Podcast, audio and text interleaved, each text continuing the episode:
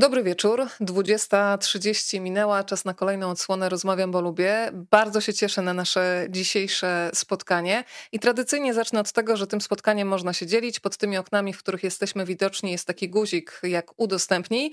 Państwo naciskają na swoje facebookowe osi czasu i tym samym ta rozmowa pojawia się również na waszym koncie. I jeżeli są wśród nas widzowie YouTube'owi, no to trzeba skopiować cały adres, wysłać do znajomych i tym samym nasze grono będzie się poszerzać. Sztuka obsługi Penisa 2 to jest książka, która nas dzisiaj zgromadziła, nowe wyzwania, a na pokładzie rozmawiam, bo lubię Andrzej Gryżewski i Przemysław Pilarski. Dobry wieczór Dzień panowie. Dobry. dobry wieczór. Dobry wieczór.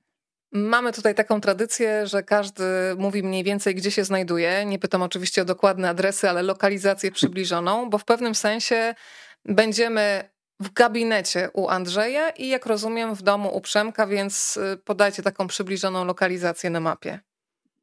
Ja jestem w Warszawie na Żoliborzu w Instytucie Artevita. E, to, to jest część mojego regału. Tu jest 3000 książek seksuologicznych, psychoterapeutycznych. Lubię wśród nich siedzieć. No bardzo ładną wystawkę przygotowałeś, zauważyliśmy to z tak, Przemkiem. Ta kobieta nawet może być trochę rozpraszająca. Nie, nie, nie wiem, co zasłaniać, prawda? No to jest też w ogóle ciekawe. Że... Dzisiaj niczego nie zasłaniamy, będziemy odsłaniać. Tak. Przemek, gdzie lądujemy u ciebie? Ja, lądujemy i płyniemy y, y, łodzią po Łodzi, y, blisko ulicy Piotrkowskiej. Zresztą też jest to mój gabinet, ale ja w nim nikogo nie przyjmuję. Wręcz przeciwnie, bardzo nie lubię, jak ktoś do niego zagląda, bo muszę w nim w ciszy i spokoju wykuwać te wszystkie literki, które składają się między innymi na te 3000 książek Andrzeja, ale oczywiście jest ich trochę mniej, tych, do których się przyłożyłem. Także pozdrawiam z Łodzi. Czyli jesteśmy w Warszawie. Widzę, że tutaj Warszawa Kabaty, konkretna lokalizacja od pani Wandy. Poznań też już do nas dołączył. Kolejne osoby zaraz nam będą e, wskazywać swoje lokalizacje. Pozwólcie panowie, że was kulturalnie przedstawię. Zawsze mówię, że plecki, e, książki mają okładkę, plecki i skrzydełka, więc sięgnę kulturalnie do skrzydełka, żeby niczego nie przeoczyć i powiem Państwu tak. Andrzej Gryżewski, psycholog, seksuolog, psychoterapeuta poznawczo-behawioralny, certyfikowany edukator seksualny oraz terapeuta schematów, założyciel Instytutu Psychoterapii i Seksuologii Artevita, czyli tego miejsca, w którym dzisiaj w pewnym sensie razem z Tobą jesteśmy, autor bestsellerowych książek Sztuka obsługi penisa, Niekochalni, Lęk przed bliskością oraz Sztuka obsługi waginy. Zdradzę Państwu, że Andrzej zapytał mnie, czy mi dosłać waginę. Powiedziałam tak, będę mieć dwie, więc czekam cały czas, bo jeszcze słuchaj nie dotarła. E, prowadzisz oczywiście liczne wykłady z seksuologii i psychologii. Dodam jeszcze, że jesteś wieloletnim współpracownikiem profesora e, Zbigniewa Lwa Starowicza w Instytucie Seksuologii. To będzie skrócona wizytówka, ponieważ chcę zostawić nam trochę miejsca na rozmowę, panowie. Przenosimy się do tak. Przemka e, Pilarskiego. Autor książek poradnikowych, ale również, co istotne, sztuk teatralnych, scenariuszy opowiadań. Siedzi dzisiaj razem z nami laureat nagród za utwory dramatyczne, innymi Gdańskiej Nagrody Dramaturgicznej, Złotej Maski, Ogólnopolskiego Konkursu na Wystawienie Polskiej Sztuki Współczesnej oraz konkursu Metafory Rzeczywistości. Jego dramaty i opowiadania publikowane były w antologiach w kraju i za granicą i jeszcze powiem, że w formie książkowej wydana została sztuka Dziki Wschód. Z obecnym tutaj Andrzejem Gryżewskim napisał poradniki Jak facet z facetem, rozmowy o seksualności i związkach gejowskich i sztukę obsługi penisa. To jest książka, która się mm, ukazała 6 lat temu i do tego za chwilę wrócimy, ale dodam jeszcze tak. informację o książce stworzonej z Magdaleną Chorzewską, Insta Poradnia, Ciało, Emocje i Seks. No i oczywiście teksty teksty Przemka możecie znaleźć w wielu magazynach. Wymienię Dialog, yy, wspomnę Machinę, Playboya, Teatr, Czas Kultury czy Logo.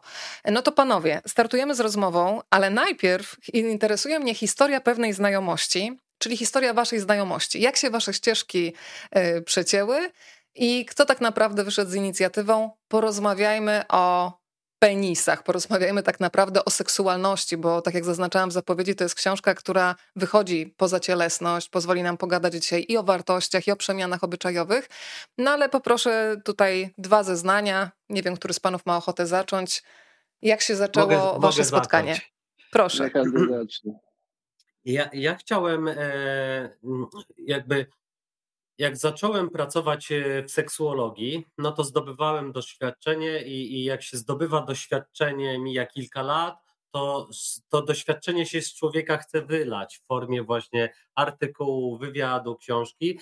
I, I jak minęło kilka lat mojej pracy zawodowej, to stwierdziłem, że chcę e, o tym opowiedzieć, gdzieś, gdzieś e, napisać w jakiejś książce. No i wtedy jeszcze współpracowałem z profesorem Starowiczem i mówię, Panie profesorze, jaki jest patent dobry na napisanie książki? A profesor mówi: No, Andrzej, napisz coś wyjątkowego, czego, coś, czego dawno nie było. No i zobaczyłem, że spośród różnych książek seksuologicznych, to książka o gejach, dobra książka o gejach, pojawiła się w 2992 roku. E, więc 2900? Y, nie, Ty żyjesz w przyszłości, słuchaj. Nie, nie, Nadajesz z y, przyszłości. Tak, nie, nie, nie, przepraszam, pomyłka. W 1992 roku. E, więc minęło już y, sporo czasu od, od tamtego mm, okresu i pomyślałem, że dobra, to jest dobry pomysł, żeby napisać książkę współczesną o gejach jak się sparować, jak stworzyć fajną relację, jak się gwałtować, e, e, jak, jak ustalić sobie rolę w związku, no bo nie może być mężczyzna i kobieta, jest dwóch mężczyzn, to co Przemek często mówi, że jak go pytają, a kto jest u was y, żoną, czy też kobietą, Przemek mówi, no u nas jest dwóch facetów zawsze, dwóch, dwóch mężczyzn. To jest bardzo fajna odpowiedź. W każdym razie wpadłem na pomysł, żeby napisać książkę o gejach. No i rozglądałem się za gejem, który ma głębie, który ma intelekt, który jest zakotwiczony w kulturze, osadzony też w jakimś poczuciu humoru, w dowcipie i szukałem taką osobę. I przez naszą wspólną znajomą, Beatą, Beatę Pawłowicz, e, poznałem Przemka. Jak Przemek występował, robił taki stand-up o swojej homoseksualności. To było genialne. No i Przemek może dokończyć, jak to z jego perspektywy wyglądało.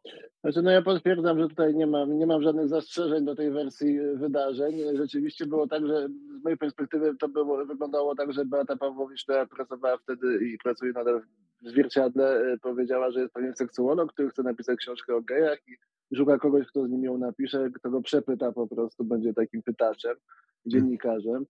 E, ja wtedy byłem bardzo zaskoczony, bo robiłem zupełnie inne rzeczy w swoim życiu, ale pomyślałem sobie, czemu nie. E, potraktowałem to jako powrót do takich czasów trochę licealnych, gdzie zajmowałem się genderem, queerem, e, znaczy nie licealnych, stu, stu, stu, studyjnym, w sensie studia i, i tak dalej, więc tak naukowo do tego podszedłem, a oczywiście też przez pryzmat swojego doświadczenia osobistego. No i tak powstała książka jak facet z facetem.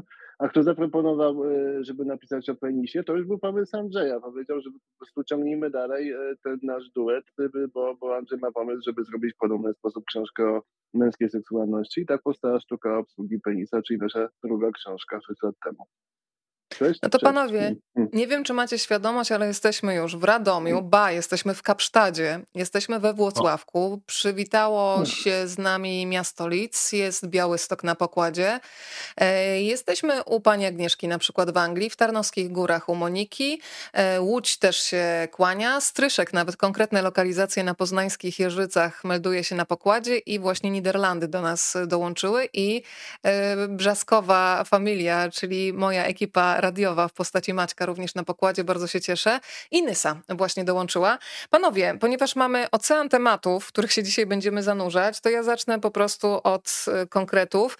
E, piszecie w tej książce w dużej mierze e, od czymś takim, co nazywacie penisocentryzmem, więc warto w ogóle wytłumaczyć na dzień dobry, w zasadzie na dobry wieczór, co się za tym pojęciem kryje i wytłumaczmy, dlaczego warto coś zrobić z tym penisocentryzmem, żeby mężczyźni mieli po prostu, tym samym też również częściowo kobiety, no, mogli mieć wspólnie większą przyjemność y, seksualności, tak naprawdę. Penisocentryzm, co każdy z Was, panowie, miał w głowie, kiedy takie pojęcie się pojawiło? To chyba wypadło z ust, y, że tak powiem, y, Przemka to słowo, tak? Wypadło, ale wymyślił je Andrzej, według mnie przynajmniej, chociaż ono teraz zdaje się pojawia się tu i ówdzie, ale pierwszy raz spotkałem się w jakimś wywiadzie z Andrzejem przeprowadzonym przez kogoś i dla mnie znaczy penisocentryzm ma dwa znaczenia e, w moim odczuciu. Z mojej, z mojej perspektywy ciekawsze jest to mniej seksuologiczne może, a bardziej psychologiczne, e, czyli myślenie o, o sobie, o mężczyźnie jako o czymś, co jest centrum wszechświata. I, a przede wszystkim jako kimś, kto jest władcą świata, tak? Czyli takie patriarchalne myślenie o mężczyźnie A ponieważ mężczyzna wszystko utożsamia z penisem, całą swoją władzę, potencję, męskość, no to stąd ten penisocentryzm jako taka, taka, taka odpowiedź właśnie na, yy, czy nie odpowiedź, tylko yy, coś, co można, można powiązać z jakimś falocentryzmem, to, to taki, tak, termin był, a drugi, drugi termin, który, drugi, drugi zakres pojęć, jakie się wiążą z penisocentryzmem, to jest yy, to, co się dzieje w sypialni, czyli tutaj może oddam głos Andrzejowi, bo on naj, najwięcej tych historii słyszał, naprawdę dużo więcej niż ja na temat złego penisocentryzmu w sypialni. Tak.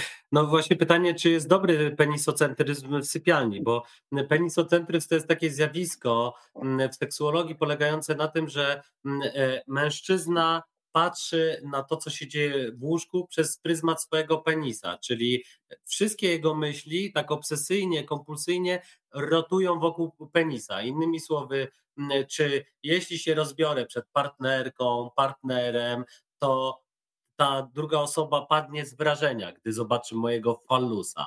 E, czy mm, wystarczająco długo podczas seksu ten fallus, ten penis będzie ze mną współpracował? W sensie, czy nie pojawi się przypadkiem e, przedczesny wytrysk, tak zwany syndrom młodego kelnera, zanim doniesie to rozleje. Mm, syndrom młodego kelnera? Tego jeszcze tak. nie słyszałam, Andrzej. To już plusik dla ciebie, bo coś nowego. Natomiast y, albo czy nie pojawi się, y, nie pojawią się zaburzenia erekcji, e, czyli ten sławny konar, czy zapłonie, czy też nie zapłonie czy e, mój penis jest wystarczająco długi i, i, i, i budzi takie uznanie u, u, innych, e, czy w łóżku, czy jak na przykład dany mężczyzna wysyła dick do, do innych osób. Więc to, to jest patrzenie prze, przez pryzmat tego penisa, natomiast my w seksuologii mamy taką zasadę, że nieważna jest różdżka, ważny jest czarodziej. Czyli chodzi o to, że najważniejszy jest osobowość, intelekt, charakter, mm, e, te, taka mm, empatia, e, inteligencja emocjonalna, to sprawia, że mężczyzna jest wytrawnym kochankiem, a nie centymetry. E, no, bez względu na to, jak mężczyźni by się dwoili czy troili, nawet jeśli poddaliby się operacji, to nikt nie przebije Rasputina, który penisa miał 33 centymetrowego. E, więc, e, więc O ile to prawda, że, bo któż to dzisiaj że, zweryfikuje, tak, prawda? A nie, jest, jest podobno w jakimś muzeum ten penis, prawda? Tak, jest, po, to znaczy ja w ogóle wam po, po jego biografię, tak. biografia jest też słusznych rozmiarów, tak jak jego penis, jest ponad tysiąc stron, także możecie doczytać o co chodzi, e, natomiast no, Teraz jest utrudniony kontakt z tym penisem Rasputina ze względu na to, że on jest w muzeum w Petersburgu, a jak wiadomo teraz Rosja jest po prostu skazana na banicję, więc chwilowo tego nie można zobaczyć. A szkoda, bo jest to rzeczywiście imponujący widok. E, no Państwo już sobie zapisują tutaj, Andrzej, e, Twoje zdania. E, a przy okazji pojawiło się bardzo ciekawe pytanie od Pani Aleksandry od razu. Cieszę się, że nawet nie muszę Państwa zachęcać. Zastanawiam się, czy ta książka jest to książka wyłącznie dla kobiet, czy też dla mężczyzn. No to w ogóle powiedzcie, jakie było założenie, bo ja tu mam takie obserwacje, że jednak zdecydowanie częściej w spotkaniach autorskich uczestniczą mhm. kobiety i faktycznie to głównie mhm. one czytają. Więc kiedy pisaliście, to, to jaki był zamysł, jaka była intencja, Przemek? Ja powiem e, taką anegdotkę, dałem ją w prezencie mojemu znajomemu, dyrektorowi jednego z teatrów i byliśmy gdzieś na kawie na mieście w Warszawie i on nie miał przy sobie żadnej torby, reklamówki, nic z tych rzeczy. On mówi, Boże, jak ja to będę teraz niósł przez miasto? Dla mnie to w ogóle było, ale o co chodzi? No, idziesz sobie z książką. I w końcu chyba jakąś gazetkę Rossmana, nie wiem, czy można to wymieniać, w pewnej sieci drogerii wzięliśmy, żeby to wino po prostu biedne. Dla mnie to było zaskoczenie, bo czasem jest tak, że żyje się w jakimś świecie, a później się okazuje, że żyje się tylko w swoim świecie, a na zewnątrz jest inna rzeczywistość i to było takie zdarzenie z tym, że ktoś może się wstydzić. Ale ostatnio ktoś rzucał relację, że czyta sobie tę książkę w pociągu i też, i też był to facet, także różnie to bywa. Natomiast a propos zdań, to ja mam takie zdanie zawsze na, odpowiadając na to pytanie, że to jest dla posiadaczy penisów dla wszystkich osób, które chcą wiedzieć o posiadaczach penisów, aby uprawiać z nimi seks, więc y, między innymi też kobiet. A z naszego doświadczenia wynika, że nie wiem, czy kobiety częściej czytają, ale często się odzywają y, rzeczywiście, natomiast y, mężczyźni często piszą gdzieś tam wiadomości, Czyli oni są takimi skrytoczytelnikami chyba ci mężczyźni, tak? Książka jest dla wszystkich, którzy są zainteresowani męską seksualnością. Skryto czytelnicy. Kolejne sobie tu tutaj słowo chowam do kieszeni, bardzo mi się to podoba. E, I jednym z takich zagadnień, które bardzo mocno mm, do mnie trafiło i przyznam, że otworzyliście mi taki świat dotąd nieznany, był chemseks, czyli seks pod wpływem różnych e, substancji uzależniających. I mieliśmy okazję podczas próby technicznej trochę o tym z Andrzejem pogadać, że zaskakujące dla mnie było przede wszystkim to, że ludzie już nie sięgają nawet po użytki po to, żeby się wykazać w relacji, tylko tak. potrafią potrafią się faszerować chemią i to taką ostrą chemią, zresztą y, poproszę was potem o y, rozszyfrowanie niektórych skrytów, y, skrótów, bo kiedy mówicie, że część w ogóle ma takie mm, korzenie, gdzie była używana, nie wiem, w jakichś smarach, no, to, to daje po prostu do myślenia, czyli ludzie sięgają po różnego rodzaju chemię, ostrą chemię, po to, żeby się wykazać przed samym sobą. I przyznaję, że to jest coś, co było dla mnie szokującego, więc Andrzej, wyjaśnijmy w ogóle to, to hasło chemsex i o czym rozmawiacie, zarysujmy przynajmniej kilka tematów, żeby Państwo wiedzieli, e, po co sięgają i gdzie znajdą rozwinięcie tych wątków, które dzisiaj zarysujemy w tej rozmowie. Rozwinięcie na pewno znajdą Państwo w naszej książce Sztuce obsługi penisa 2, nowe wyzwania, albo te osoby, które są e, z kręgu osób LGBT e, geje, no to rozwinięcie znajdą w książce sztuk, to znaczy jak facet z facetem. W tamtym roku napisaliśmy nowe wydanie, poszerzone właśnie o duży rozdział e, z chemsexem, no bo to tak niektórzy wymawiają chemsex, nie chemsex, Okej, okay, no tak, w sumie tak. tak. Ja po polsku tutaj pojechałam. Tak. Ja też zawsze po polsku. Natomiast... Um... Bo my jesteśmy prawdziwymi Polakami, Przemek. Tak, no właśnie, no właśnie. Więc rozwinięcie jest w, w tych książkach. E, natomiast po co ludzie to robią? E, bo ja mam taką koncepcję, która wynika z moich e, rozmów z pacjentami, że jak oni na przykład idą na na plebanie na przykład, uprawiać seks z sklerem, albo idą na jakąś orgię, albo idą do, do klubu dla swingersów, albo spotykają się z nową osobą, to biorą ten chemsex ze względu na to, że nie chcą czuć uczuć, które czują w danym momencie, czyli na przykład lęku, czyli na przykład wstydu y, albo smutku, że na przykład jest piątek, idzie mężczyzna na, na jakąś y, orgię w wynajętym apartamencie w Warszawie i ma poczucie, kurczę, a inni to siedzą przy Netflixie, w tym czasie są w związkach, a ja po prostu e, tak łamię tą, tą samotność, tak, tak z nią walczę po prostu biorąc e, chemseks i idąc na, na orgię i tam szukając takich e, substytutów bliskości. Mm, I ktoś, kto chce się odciąć od tego smutku, od tych smutnych myśli, takich negatywnych przekonań o, o, o sobie, po to bierze tą mm, chemię, czyli te narkotyki, dopalacze, które są używane do, do aktywności seksualnej, żeby zabłysnąć w tym seksie, żeby mm, e, być bardziej wydolnym, żeby mm, być bardziej takim ludycznym, żeby się bawić w tym seksie, a nie odgryzać paznokcie. E, tak, i ja pamiętam takie mm, poczucie, kiedy czytałam ten fragment, kiedy opisujecie właśnie, będę się trzymać tej, tego polskiego nazewnictwa chemsex, e, takiego też zostawienia samego siebie, no bo skoro musisz uciekać od siebie, żeby się dobrze bawić, no to jest za tym jakiś e, tak. rodzaj cierpienia. Wrócimy jeszcze do tego, bo chciałabym też, żebyście ostrzegli tych, którzy, którym się wydaje, że kontrolują różne rzeczy na mm, imprezach, bo tutaj informacje i dla pań, i dla panów, bo to działa na, na wszystkich, e, czyli substancje, które powodują, że urywa się, krótko mówiąc, film i człowiek naprawdę nie wie, co i kiedy znalazło się na przykład w jego drinku czy w jego wodzie. E, to uczulmy, bo myślę, że nigdy za dużo tego typu informacji. Wydaje nam się, że mamy oczy dookoła głowy, ale chyba niekoniecznie. E, to tak, ja, a, to no to dobrze, Przemek, to, proszę. To dobrze, powiem tylko, bo chciałem tylko nawiązać do komentarza, który się pojawił, że książka ma też audiobooka i można jej rzeczywiście w skrytości słuchać, tu pan Eryk napisał. Natomiast y, takim savoir vivre, który tutaj polecamy i też ja go obserwuję jakby jako osoba, która uczestniczy w życiu towarzyskim, wychodzi z domu i chodzi po klubach, to jest nie, nie robić tego samemu, a już na pewno nie przyjmować tych drinków od obcych osób, ale też może się zdarzyć, że ktoś tego drinka, którego samemu się kupiło, coś dosypie, więc ta wsparcie innych osób, wychodzenie w paczce albo w jakimś towarzystwie, pozwoli na to, że te inne osoby mogą zauważyć, że w nas zachodzi jakaś zmiana w zachowaniu i wtedy zareagować, więc, y, więc to jest chyba najzdrowsze, najzdrowsza forma tutaj y, samoobrony, no bo rzeczywiście może się zdarzyć, że po prostu my już patrzymy na tego naszego drinka, ale przecież nie da się na niego patrzeć przez 100% czasu i zawsze coś się może wydarzyć i wtedy rzeczywiście tylko inni mogą nam pomóc. Tak, dokładnie. I ja często y, w gabinecie y, rozmawiam z ofiarami nadużycia seksualnego przy pomocy chemsteksu, czyli na przykład tej kropli gwałtu. E, I często te ofiary bardzo się obwiniają, że, że były za mało ostrożne, za mało uważne, że nie, nie wiedziały, jak, te, jak y, ta chemia została im dolana do, do drinka. E, natomiast ja zawsze przytaczam taką e, historię, która akurat pojawiła, pojawiła się w serialu szpiegowskim, e, nazywa się Lioness.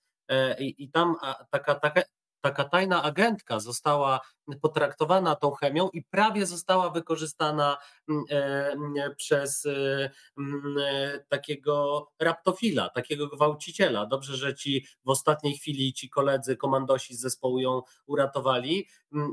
I niby to jest serial, a ja to, to, co tam widać na serialu, że, że nagle ona się po prostu odwraca, żeby spojrzeć na inną osobę i nagle ktoś jej, ktoś jej dolewa do, do tego drinka, to ja często tu słyszę w gabinecie od ofiar wykorzystania seksualnego, więc e, e, nawet będąc osobą, która jest ultra czujna, można zostać e, e, nadużytym, bo trzeba pamiętać, że tacy raptofile, czyli tacy gwałciciele, e, na przykład klubowi, to oni nie robią tego pierwszy raz. Oni to już robią któryś raz, więc po prostu to jest jak David Copperfield. Są w tym wyspecjalizowani. Panowie, y, chciałam Was zapytać jeszcze mm, o wiele tematów i zaraz do tego przejdę, ale zastanawiam się, bo mówię teraz o tych y, tematach, które bardzo mocno siedzą mi cały czas w głowie. Ja tu mam długą listę, do której zaraz przejdę, ale teraz pytanie do Przemka. Który z tematów jakoś najbardziej Cię zaskoczył? Bo wiadomo, że przygotowując się do rozmowy z Andrzejem, robisz research, masz swoje doświadczenia, masz swoją wiedzę. Y, pewnych rzeczy i odpowiedzi się pewnie spodziewasz, ale wyobrażam sobie, że pojawiają się też takie wątki, skręcacie w takie ścieżki, które mogą być zaskakujące E, również e, dla ciebie. Czy był taki temat, czy, czy jednak mniej więcej dostałeś to, czego się spodziewałeś? No temat był na pewno jeden, e, bo pewnego dnia, kiedy byliśmy mówili na rozmowę, Andrzej zaproponował, że porozmawiamy o czymś innym i przechodziło się to w rozdział, który posiadamy w książce, mamy w książce, czyli rozdział o seksualności księży. Andrzej był świeżo po rozmowie z kimś na ten temat i, i, i stwierdził, że, że, że zróbmy z tego rozdział i no i ten rozdział jest. Temat mnie nie zaskoczył, bo, bo, bo, bo nie jest to słyszy się rozmaite historie. To było na długo przed słynną Dąbrową Górniczą, ale ja wtedy byłem w Sosnowcu w hotelu, pamiętam, jak rozmawialiśmy, czyli blisko Dąbrowy Górniczej, więc coś tam Przemek, przypomnij tę Dąbrowę Górniczą, bo wielu osobom to mogło wypaść z głowy albo w tym chaosie informacyjnym do nich nie dotarło. Ja wiem, ale biorę pod uwagę, że na przykład pan Eryk w Kapsztadzie może do niego nie dotarło. Oj, na pewno dotarło nawet do Kapsztadu. E, to e, chodziło o orgię, która e, miała miejsce na, miejscowy, na tamtejszej plebanii i orgia, w której brali udział księża, co samo w sobie nie jest może niczym zaskakującym, bo Kościół katolicki, jak wiadomo, prowadzi od dawna podwójne życie, ale sprawa otarła się o policję, ponieważ był tam pracownik seksualny, który zasłabł, a ci księża nie chcieli wezwać, nie chcieli wpuścić karetki, znaczy nie, nie chcieli wpuścić ratowników pogotowia, więc y, musiała przyjechać policja interweniować i stąd jakby historia się została e, nagłośniona. Skończyło się to dymisją y, biskupa e, tamtejszego, który podobno zresztą też, podobno tam było się różne rzeczy działy wcześniej też w tej Dąbrowie nie była to pierwsza taka historia, ale pierwsza tak głośna. E, więc, więc o to chodzi z Dąbrową Górniczą. E, to, to był ten temat, który mnie zaskoczył, ale to jeszcze może z odpowiedzi Andrzeja, które mnie bardzo zaskoczyły. Miałeś to, rację, to... dotarło do Kapsztadu. Tutaj pan Eryk. Dotarło. Tak, potwierdzam. Aha, no, no, właśnie, tak, tak. Ja myślę, to by poszło na cały świat po prostu. E, Andrzej wspomina w pewnym momencie, że w seksie, w seksualności, w ogóle w byciu z drugą osobą trzeba w 60% być skupionym na sobie, a w 40% na drugiej, na drugiej osobie. Też mnie to tak zaskoczyło. Jak to przecież trzeba być bardzo oddanym te, temu komuś, z kimś spędza się te upojne chwile. No ale okazało się właśnie, że ponieważ wiele osób, zwłaszcza mężczyzn, tak bardzo ocenia siebie wobec jakiegoś gremium, którego nie ma de facto obok niego, nich, ale jest w ich głowie, że ktoś będzie patrzył obok stawiał oceny za to, jak oni w danym momencie uprawiają seks i tak dalej, no to lepiej skupić się na sobie i na, na tym, co się robi, a nie wyobrażać sobie, czy będę dobrze oceniony w danej sytuacji i o to chodziło. Ale takie pierwsze zdarzenie z tą odpowiedzią było właśnie takie, ojej, o co chodzi? Bardzo to jest ciekawe. Polecam Państwu rozwinięcie e, tego rozdziału. Oczywiście w książce Sztuka obsługi penisa 2 Nowe wyzwanie. To jest książka, o której rozmawiamy. E, bardzo mi się spodobał też kubek tutaj Andrzeja mnie na chwilę rozproszył. Tym, takie stan tak, serca chyba jest, tak? Tak, no muszą no. być takie elementy. Ja kocham takie takie ja, ma, ja mam krowi ogon niestety tylko, nie wiem czy widać. To, to, to, E, ja mam jakiś, y, wiecie, wzorek włocławski, zresztą od słuchaczki Wandy. Bardzo dziękuję. E, słuchajcie, bardzo mi się spodobał też termin, którego wcześniej nie znałam. E, oczywiście wiedziałam o tym, że ludzie niektórzy tak funkcjonują, ale nie wiedziałam, że jest takie pojęcie jak altruista seksualny. Więc pogadajmy trochę o tym, wyjaśnijmy dokładnie. Myślę, że już trochę się Państwo domyślają o co chodzi, ale skąd się bierze taka postawa w człowieku i jak może wpływać na jego życie nie tylko seksualne? Kto zaczyna z definicją? Ja mogę opowiedzieć. Proszę e, bardzo. 18 lat temu, jak zaczynałem pracować w seksuologii, to sytuacja była mm, taka, że mężczyźni w tym seksie wiedli prym, czyli e, to, co mężczyzna chciał, to się wydarzało. E, czyli e, kobiety były bardziej bierne, bardziej nastawione na, na to, że mężczyzny jest obowiązkiem zainicjować zbliżenie. Wtedy też w ogóle się utarło, że kobieca seksualność jest taka responsywna, czyli jeśli pojawi się bodziec od, od mężczyzny, to kobieta odpowie responsywnością.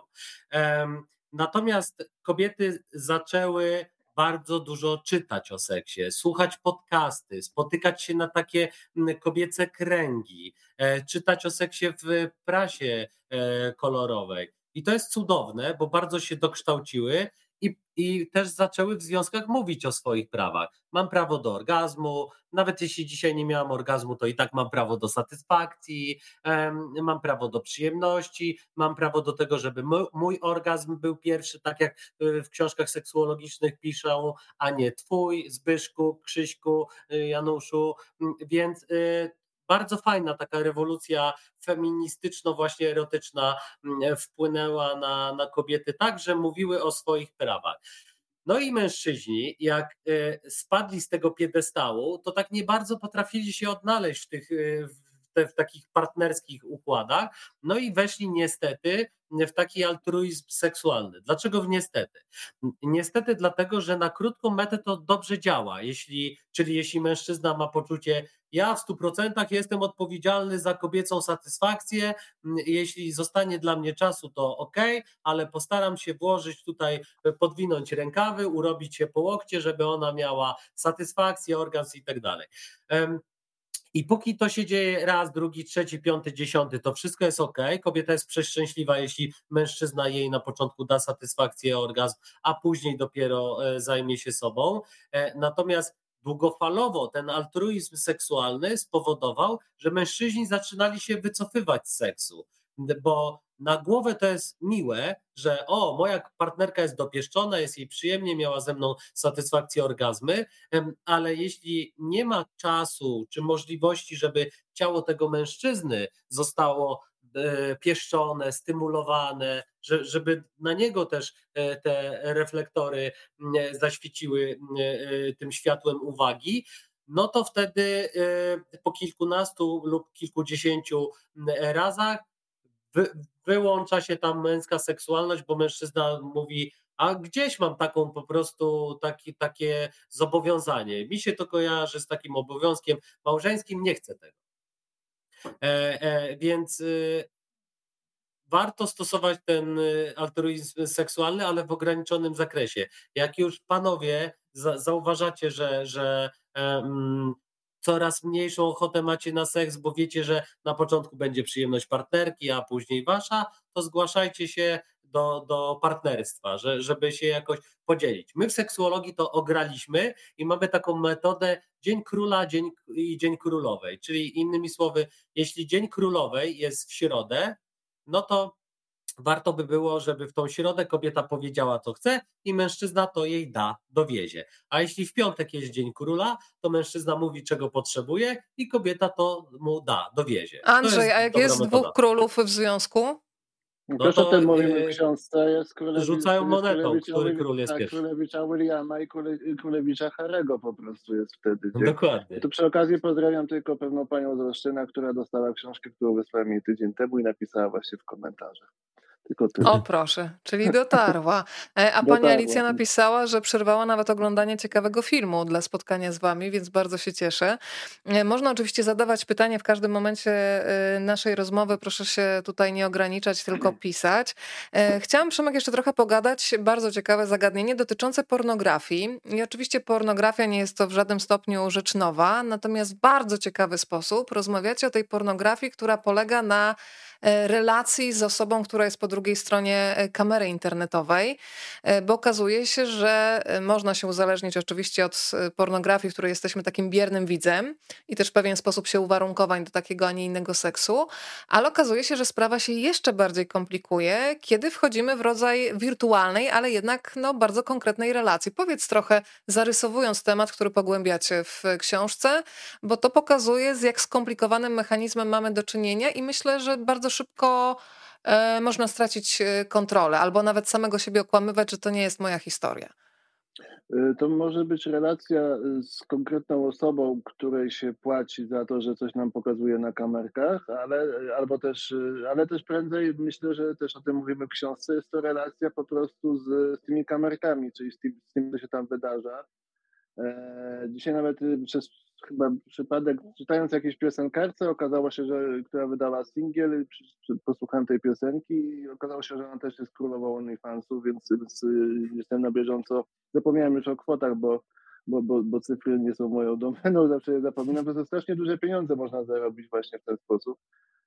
Dla mnie to jest o tyle ciekawe, że oczywiście można popaść w uzależnienie, będąc po stronie tego, kto płaci, kto to ogląda, ale y, z drugiej strony mamy do czynienia z podmiotowością osób, które świadczą te usługi. To już nie jest tak, że to jest spychane gdzieś na margines, że to są jakieś anonimowe osoby, które boją się pokazać twarz, tylko to są osoby, które y, no, pod pseudonimami, łatwo, które można łatwo rozszyfrować, a często też pod imionami i nazwiskami, po prostu pracują w taki sposób, że za pieniądze dają pewne pokazy seksu albo zabaw erotycznych, albo różnych innych rzeczy innym ludziom, no ale, ale wszystko oczywiście w nadmiarze szkodzi, więc y, osoby, które cierpią na niskie poczucie własnej wartości i są samotne, nie są w związku albo są w mało satysfakcjonującym związku, przychodzą do domu i potrafią, tak jak Andrzej często opowiada, odpalać y, te kamerki, spędzać na nich czas do trzeciej, czwartej nad ranem, po czym trzeba wstawać o siódmej i iść do pracy. No więc jest to uzależnienie tego rodzaju inne niż od pornografii, że w filmach pornograficznych y, mamy do czynienia z obcymi osobami, chociaż y, często one się powtarzają, też były jakieś gwiazdy, a tutaj można nawiązać relacje z kimś, kto nam odpowie, odpisze, więc jest to takie fałszywie intymne, powiedziałbym. Więc, więc tutaj, tutaj jest, jest to ryzyko, że, że a jednocześnie jest to osoba na wyciągnięcie ręki, więc to nie jest tak, że dzisiaj nie wyjdę z domu i nie pójdę na miasto, tylko no, musiałbym chyba wyłączyć komputer i prąd. E, no właśnie, myślę sobie, Myślę Bo sobie, że ta bardzo... interaktywność, interaktywność w, w, trakcie oglądania tych kamerek, to, że ktoś nam pomacha, odpisze nam albo coś e, powie, daje pozory bliskości jeszcze bardziej wkręca w uzależnieniu Pisze... od kamerek. Tak, a piszecie świetnie o tym, że pojawia się, tak jak mówił Przemek o tym, że się wydaje też spore pieniądze na to, więc się pojawia i dziura w budżecie, i taka dziura coraz większa emocjonalna, która jest wręcz nie do zasypania. E, to, co we mnie siedzi mocno, to też e, to, że mówimy bardzo często o uzależnieniach krzyżowych, na przykład uzależnienie od narkotyku, od seksu, od hazardu, często to się łączy. No ale okazuje tak. się, że krzyżowe uzależnienie wymaga też takiego specjalisty, który ma krzyżowe specjalizacje, bym powiedziała. Powiedz trochę, Andrzej, bo często ludzie, którzy już sobie uświadamiają, to, że mają problem, e, no tak e, wałęsają się od jednego specjalisty do drugiego i tak naprawdę trzeba to powiedzieć głośno, że jedna osoba, która ma wiedzę na przykład tylko z seksuologii czy, czy z psychologii, po prostu nie jest w stanie im pomóc już na pewnym etapie.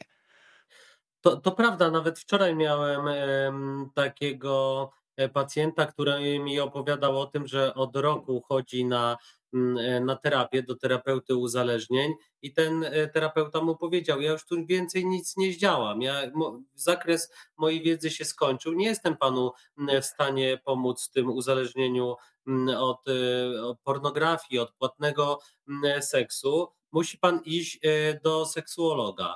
No i on poszedł do seksuologa, który się nie specjalizuje w uzależnieniach. Tam też otrzymał jakąś część pomocy. No i ten seksuolog mu powiedział, że no musi pan iść jeszcze do kogoś innego, do psychoterapeuty, który, który się specjalizuje w, w pogłębieniu tej wiedzy, dlaczego pan to robi. Dlatego e, na przykład pacjenci mnie pytają, dlaczego ja mam najwyższą stawkę na mieście. No właśnie dlatego, że e, łączę kilka różnych obszarów. Obszar psychologii, obszar psychoterapii, obszar e, seksuologii i obszar terapii uzależnień.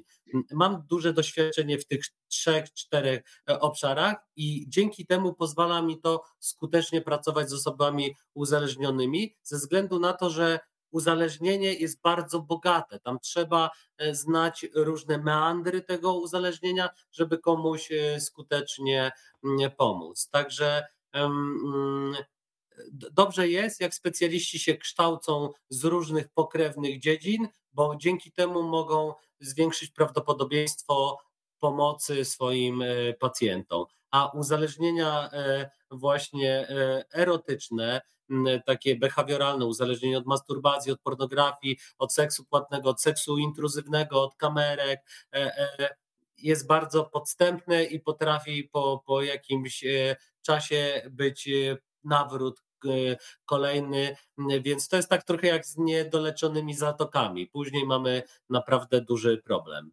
jeśli tego w sposób konkretny nie wyleczymy. Kto z Was, panowie, wpadł na to, żeby do tej książki, do sztuki obsługi penisa, zaprosić też e, urologa i androloga, myślę o doktorze Piotrze Świniarskim. E, bardzo Wam dziękuję za ten rozdział, bo naprawdę mam wrażenie, że on jest w stanie uratować niejedno życie, bo po pierwsze zwraca uwagę na to, że ciało naprawdę do nas czasami mówi, tylko trzeba nauczyć się słuchać pewnych sygnałów, a dwa, e, że budzi taką uważność i czasami myślę i mówi się o tym, że mężczyźni są zadaniowcami, więc tak sobie nawet dzisiaj e, spacerując z psem pomyślałam, że gdyby mężczyźni byli tak samo podchodzili do swojego zdrowia zadaniowo, jak do tego penisocentryzmu, żeby on ten zawsze, ten penis był sprawny, to myślę, że po prostu e, częściej można by było uratować e, mężczyzn. Więc najpierw wyjaśnijmy trochę o historii tego spotkania, kto wpadł na pomysł, żeby poszerzyć tutaj grono eksperckie i dołączyć do tej książki również urologa i androloga. To był pomysł Andrzeja. Ja trochę byłem przerażony. Andrzej poznał Piotra Świnackiego gdzieś tam na jakiejś konferencji. Ja byłem na początku przerażony, bo sobie myślę, Boże, będę rozmawiał z tym lekarzem, który pewnie będzie miał co, co drugie słowo, jakiś bardzo skomplikowany termin medyczny i, i co to z tego będzie, ale sobie założyłem właśnie, że skoro już mamy urologa, to niech to będzie takie kompendium tych wszystkich y, problemów, jakie mogą nam się urologicznie mężczyznom y, przydarzyć. No i okazało się, że to, to rozmowa była bardzo przystępna też dla mnie i mam wrażenie i poczucie, że też udało się to przełożyć na, na, na, na karty książki. E, no to jest, e, to chyba już może do rzadkości odchodzą lekarze, którzy tłumaczą coś w taki niezrozumiały sposób, tak jak kiedyś słynne było to pismo lekarskie pacjentom, więc mam nadzieję, że Piotr Świniarski tak samo jasno i wyraziście tłumaczy. Jeżeli robi to tak samo, y, tłumaczy swoim pacjentom jasno i klarownie ich problemy, no to to na pewno jest świetnym specjalistą.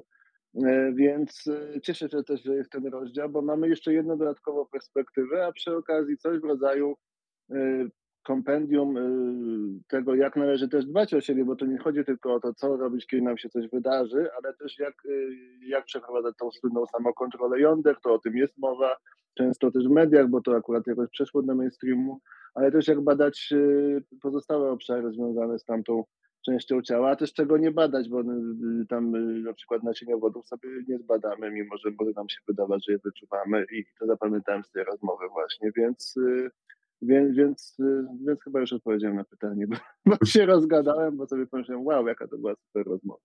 Przemek, to ja y, sięgam do danych statystycznych, bo y, oczywiście ja tutaj, wiecie, mam notatki, więc mogę do nich sięgnąć, ale skoro mówiłeś o, y, o raku jądra na przykład, to ja myślę, że dla wielu osób może być zaskakujące to, że szczyt zachorowań na raka jądra przypada między, uwaga, 15 a 35 rokiem życia.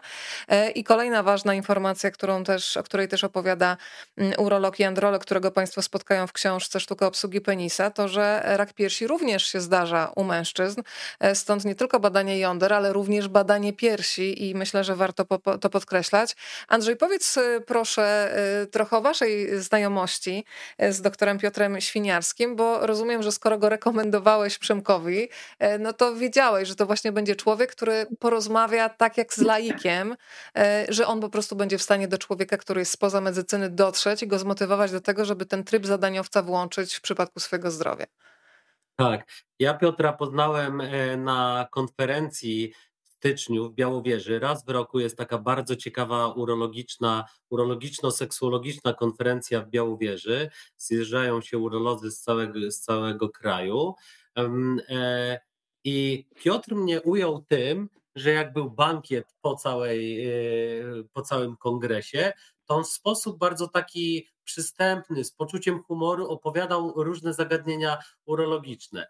No i podszedłem do niego i pytam się, Piotr, gdzie ty się tego nauczyłeś? On mówi, człowieku, ja w wojsku byłem kilkanaście lat, lekarzem właśnie mm, e, i, z wojskowymi, z każdym musiałem się dogadać. I z ka takim kadetem szeregowym, i, i z sierżantem, oficerem i tak dalej. Mm, e, I bardzo fajnie mu właśnie wyszło to, mm, to tłumaczenie. No i pamiętam po tym e, kongresie, wróciliśmy do Warszawy, minął jakiś czas i on zadzwonił do mnie i mówi: Andrzej, wiesz co, mam taką magiczną walizkę, pokazać ci. Ja mówię: Dobra, przyjedź. No i przyjechał i na, na dużym moim biurku rozłożył różne rzeczy i się okazało, że zaburzenia erekcji nie leczy się tylko tabletkami, czyli tą Viagrą, sildenafilem i tak dalej, ale on mi też pokazał różne inne metody, które są ważne i które, mm, i które są skuteczne. Na przykład takie e, zastrzyki z, e, e, z, z jak to się nazywało? Prostaglandyna. Prostagladyna? Ta, o, Prostaglandyna no. E, tak. E, w, w, w, robi się iniekcje w ciała jamiste członka, to są takie dwa baloniki e, w penisie wypełnione krwią, natomiast jak się wstrzyknie taki żel, to on przez kilka godzin, dwie godziny jest e, członek w stanie sztywności i można odbyć fajny, satysfakcjonujący seks.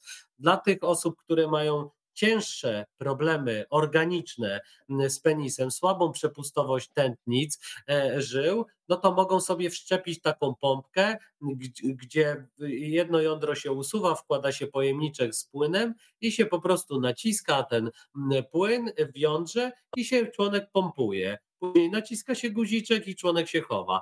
Ta, tak, taki trochę e, E, e, jakby taka, taka hydrauliczna e, pomysł, taki sposób, natomiast bardzo skuteczny, wielu mężczyznom to, to pomaga, bo nie muszą nigdzie szukać, szukać tej, tej, tych niebieskich tabletek na potencję, tylko mogą sobie coś takiego wszczepić i to jest bardzo przydatne. Także doktor Świniarski jeszcze o wielu innych rzeczach opowiedział Przemkowi, to wszystko jest w, w rozdziale, możecie zobaczyć jakie cuda opracowała E, urologia, żeby zmniejszyć cierpienie mężczyzn, no i tych partnerek i partnerów, z którymi ci mężczyźni współżyją. E, wymieniałeś, wymieniłeś padło słowo sildenafil e, i zatrzymajmy się na chwilę na tym. To jest ta substancja, która się na przykład znajduje w wiagrze, tak? E, I ciekawa rzecz, nie wiem czy Państwo na to zwrócili uwagę, w Polsce nie jest na przykład dostępna tabletka dzień po, bez recepty, natomiast bez recepty, w odróżnieniu od tego, jak to funkcjonuje w wielu europejskich krajach, można sobie przyjść do apteki i kupić dowolną ilość środka na potencję. Bardzo Wam dziękuję za to, że mówicie wprost prosty i bardzo taki dający do myślenia sposób, że takie bezmyślne branie po prostu e, sildenafilu, sildenafil, tak? Dobrze mówię? Dobrze. Tak, tak. tak. Mhm. E, powoduje, że, że tak powiem, konar nie stanie, ale stanie serce na przykład. Powiedz Przemek trochę o tym, bo ja przyznaję, że e, dziękuję wam bardzo za te tabelki, które pokazujecie przy okazji różnych substancji, co z czym nie można łączyć i tam na przykład są też skorzenia na przykład okulistyczne i myślę, że wiele osób wydaje mi się to tak odległy narząd oko od penisa, e, że w ogóle nawet nie połączy faktów. Powiedz o takich e, no, najbardziej mm, szokujących może dla laików e, połączeniach, które powodują, że to branie leku teoretycznie bezpiecznego w naszej głowie, no bo bez recepty, no może się skończyć zejściem z tego świata i tyle będzie z, z tej poprawy życia seksualnego. No w ogóle nie wiem, czy istnieje coś takiego jak bezpieczne leki, bo, bo jednak każdy lek tak. ma jakiś skutek uboczny. W najlepszym razie po prostu musi być metabolizowany przez wątrobę albo nerki razem z tym wszystkim, co spożyliśmy w ciągu całego dnia, a nie kiedy może być na kromową wątrobie, tym trudno. Eee, sildenafil e, i inne substancje powodują przede wszystkim to, że łatwiej jest w sprzyjających warunkach osiągnąć wzwód, a nie to, że ten wzwód nagle się pojawia. Dlatego też e, czasem nie działa, bo po prostu warunki nie są sprzyjające. Ja nie jestem teraz taki pewien, ale oczywiście w sytuacji przedawkowania pewnie może dojść do priapizmu, tak? czyli do tego, że ten penis po prostu jest nieustannie we wzwodzie i jest to zwód bolesny. Ten termin się wziął od tam starożytnego boga Priapa, fauna zdaje się, który, który nieustannie był gotowy do, yy, do seksu. Natomiast substancje, których nie należy z tym łączyć, no to mm, sildenafil yy, nie jestem pewien, ale to się chyba wzięło właśnie, y, ten lek chyba był początkowo brany pod uwagę przy leczeniu jakichś tam schorzeń krążenia, o ile dobrze pamiętam. No i tutaj już mamy prostą drogę do oka, no bo ciśnienie jest rzeczą, która wpływa na nasz wzrok, tak? Więc, y, więc bardzo łatwo sobie y, uszkodzić wzrok w ten sposób. Zwłaszcza niebezpieczny jest sildenafil w połączeniu z popersem. To jest taka substancja, którą wdychają głównie geje w czasie seksu, aczkolwiek spotkałem się z historiami, że wdychają to też osoby, osoby niegejowskie, tak, i nie tylko w czasie seksu, bo widziałem historię po prostu na imprezie, ktoś tak dla, dla fanu sobie to przyniósł buteleczkę i to wdychał.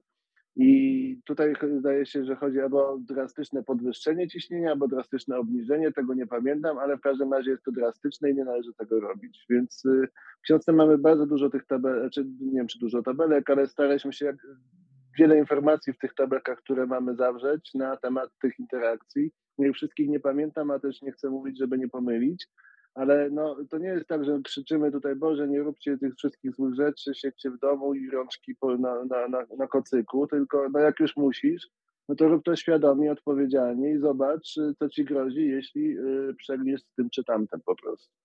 I z czym tego nie łączyć, no, albo jedno, albo drugie. Czasem jest niestety tylko taka możliwość. Tak, to jest takie przepisy BHP e, zostawiacie, tak to nazywacie.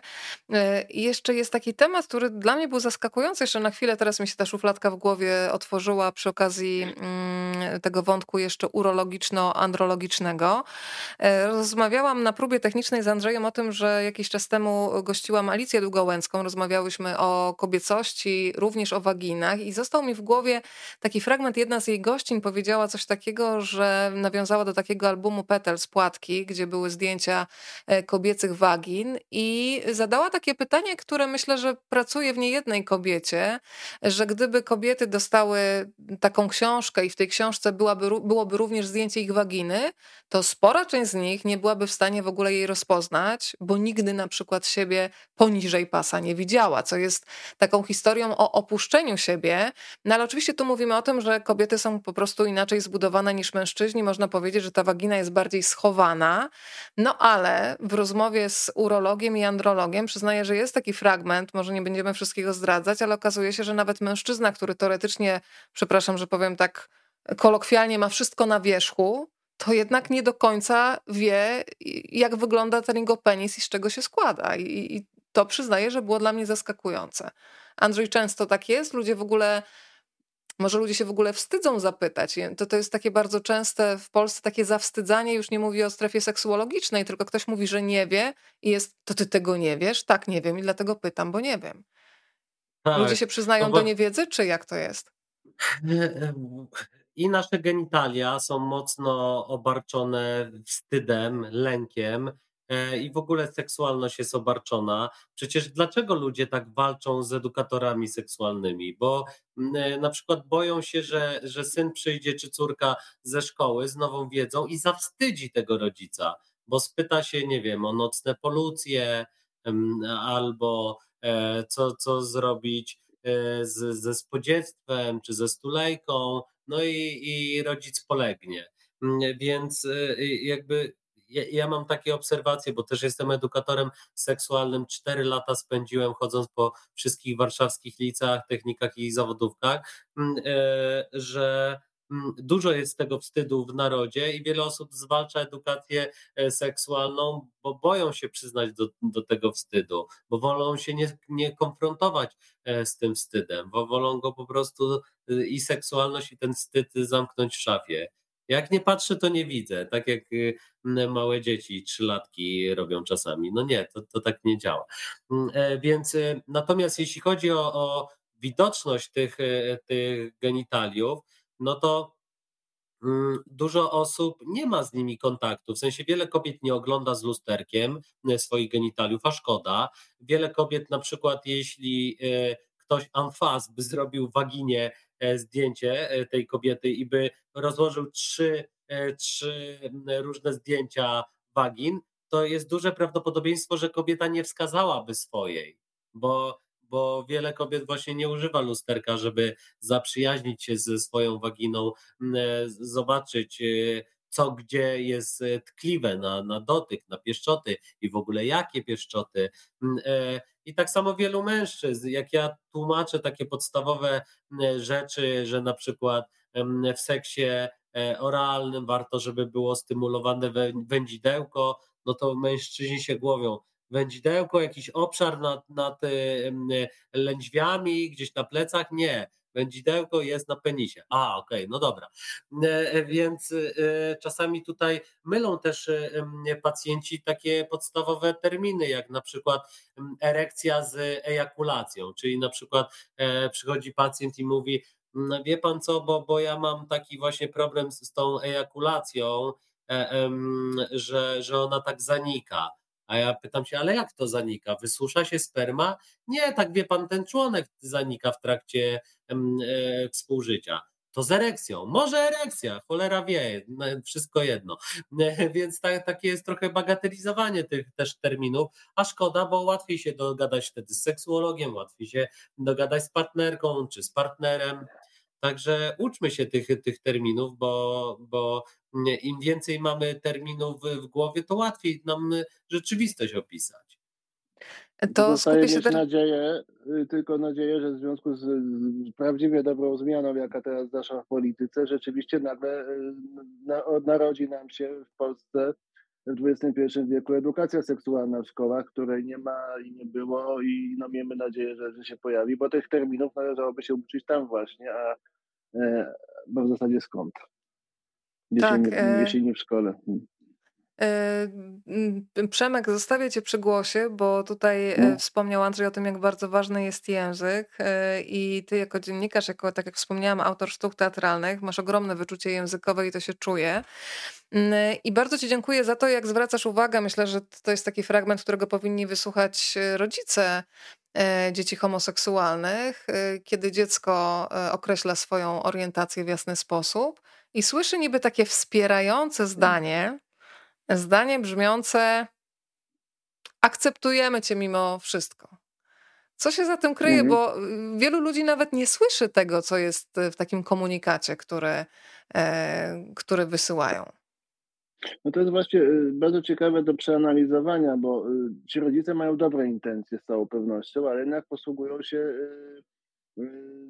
złym językiem, no, językiem raniącym de facto, no bo co to znaczy mimo wszystko? No mimo wszystko może kochać kogoś, kto, y, kto popełnił przestępstwo na przykład. Niedawno widzieliśmy, jak jeden pan y, w pewnym pałacu przytulał dwóch przestępców, bo widocznie kocha ich mimo wszystko i nawet ich wypuścił. E, więc, y, więc jest to raniące, tylko to jest moim zdaniem sytuacja trudna do rozwikłania tak naprawdę, bo co to dziecko ma? Nagle obrazić się na rodziców i powiedzieć no ale przecież masz mnie kochać bezwarunkowo. On, on myśli, że właśnie to jest bezwarunkowe. Mimo, mimo że jesteś jest taki, taka, jak, no co, no i właśnie tutaj zaczyna się dyskusja, jak, jak, jakbym, jak, jakbym nie chciał, jakbym nie chciała. Tak, że, że wyobrażałem sobie, wyobrażałam jako matka czy ojciec, że, że będę mieć wnuki. To jest takie słynne zdanie. Tak jak, jakby osoby homoseksualne nie mogły mieć dzieci. No oczywiście jak tylko dostaniemy takie prawo, to, to będziemy ich mieć. Zresztą jest pełno tęczowych rodzin również w Polsce i to, to jakby też było opisywane wielokrotnie. E, także y, ja myślę, że na poziomie tego nastolatka to, to, to sprawę chyba trzeba trochę zamknąć, żeby nie, nie jątrzyć, ale też edukować. No i być może kiedyś wrócić za jakiś czas do tego mimo wszystko, ale, ale to nie jest tak, że to nie zostawia śladu czy jakiegoś piętna, bo kiedy się to słyszy, no to czuje się kimś gorszym, tak? Że, że jednak y, ma się jakąś wadę. A to nie jest wada, jest się, to jest dokładnie jak z tą erekcją czy ejakulacją po prostu. No, no, no mam coś, czym się dzielę, tak? Pewną cechę, pewną właściwość po prostu i, i w zasadzie to powinna być rzecz, którą się komunikuje, a nie którą się wyznaje. No ale tutaj znowu wracamy do edukacji seksualnej, bo ci rodzice nie zostali wyedukowani seksualnie, za to zostali urobieni przez ideologię, przez, przez Kościół y, i yy, no i tak naprawdę szukać pierwszego sprawcy tego mimo wszystko, no to byłaby długa batalia a myślę, że naprawdę dużo zrobi ta edukacja seksualna, jeśli ona w końcu zaistnieje, tylko że ona dużo dobrego zrobi w kolejnych pokoleniach dopiero. E, powiedziałeś e, kolejną ważną rzecz. E, złapałam się teraz na tym, że to jest informowanie, a zobacz też, jak często w przestrzeni publicznej, czy to w, w kontekście orientacji seksualnej, ale też na przykład chorowania na depresję, nawet dziennikarze używają zwrotów przyznał się, że choruje na depresję. Mm. Przyznać to się można do jakiejś, nie wiem, zbrodni, do czegoś naprawdę złego przyznać się. To jest takie strasznie obciążające. Nie wiem, poinformował, powiedział, koniec, kropka. Tak, przerwał Więc... milczenie. Przerwał milczenie dokładnie. E, to są nawet takie rzeczy, którymi my przesiąkamy i nawet e, sama zauważam, że zdarza mi się ugryźć w język, bo nagle mi coś wypływa z ust i nagle mhm. jak się zatrzymuję na tym, tylko trzeba się faktycznie zatrzymać i, i przeprosić, zrobić autorefleksję i pojechać dalej. E, skoro mówiłeś o tej prawdziwej, dobrej zmianie, to przypomniała mi się taka krótka wymiana zdań z Andrzejem, który powiedział mi, że jest neutralny politycznie zawsze w gabinecie, ale głosujesz zawsze na jaką partię? Bo to zostało mi w głowie i powiedz, dlaczego taka nie inaczej. To, ja, to znaczy, ja jestem apolityczny i zawsze głosuję mhm. na tą partię, która jest dobra dla seksu. I zawsze sprawdzam program e, różnych partii. E, ja się tego nauczyłem znowu od profesora Starowicza.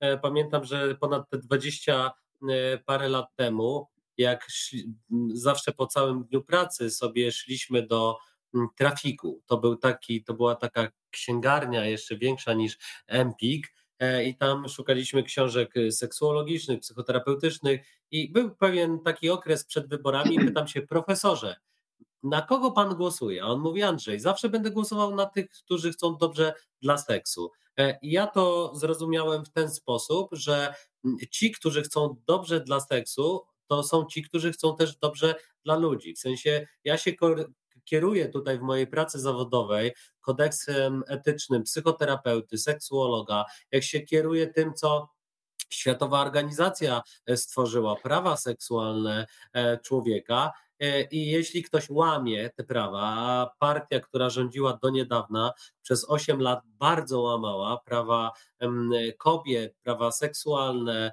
e, przez ostatnie lata przychodziły do mnie pacjentki, które na myśl o seksie to miały spocone z lęku, ze stresu e, dłonie, które myślały o tym, że seks może się skończyć nieplanowaną ciążą i wrzucenie ich w rolę takiego inkubatora gdzie państwu zależało na życiu nienarodzonym, a już nie zależało na życiu narodzonym, to było ultra przykre.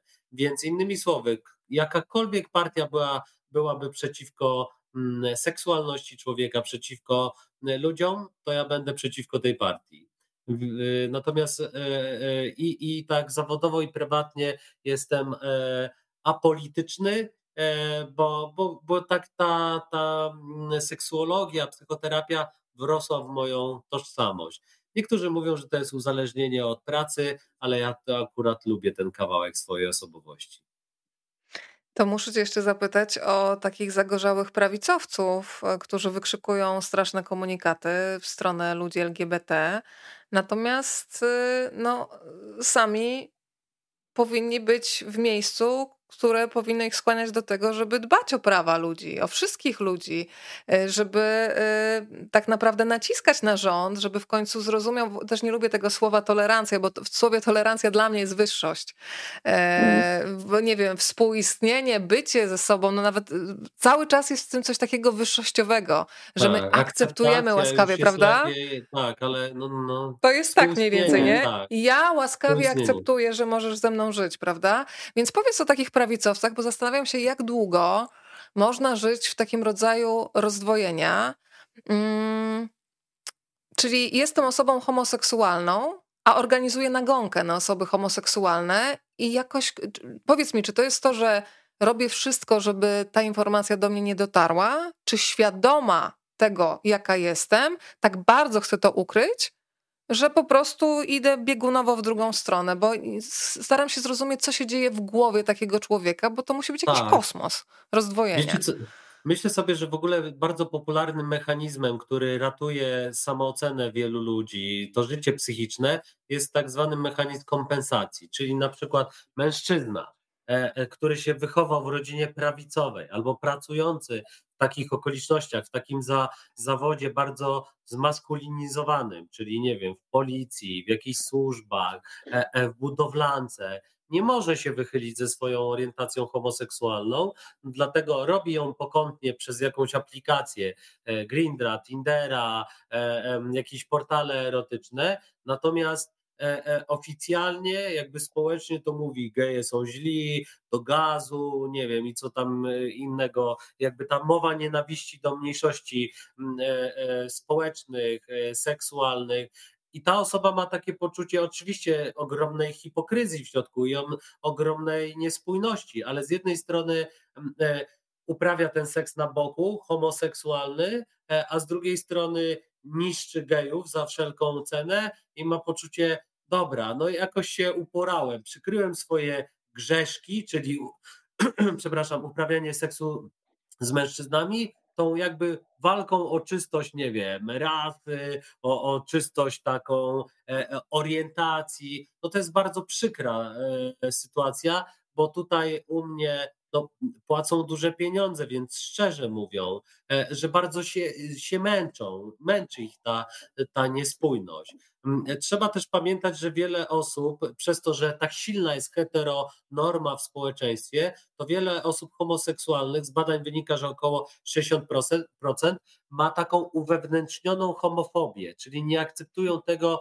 że są osobami homoseksualnymi, że, że czują pociąg do, do innej E, do tej samej płci. I stąd jest taka gigantyczna w Polsce grupa MSM-ów, czyli mężczyzn współżyjących z innymi mężczyznami, ale absolutnie nie chcących się określić jako mężczyźni homoseksualni czy jako mężczyźni biseksualni. Oni są w związkach często heteroseksualnych, mają e, e, żony, mają partnerki, narzeczone, ale uprawiają ten seks poza związkiem z tą samą płcią.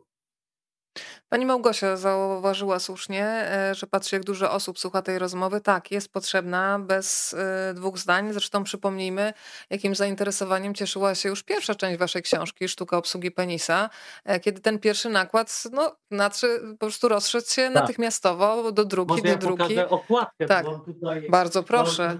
Na, na... Nasz bibliotekarz. tak, tak.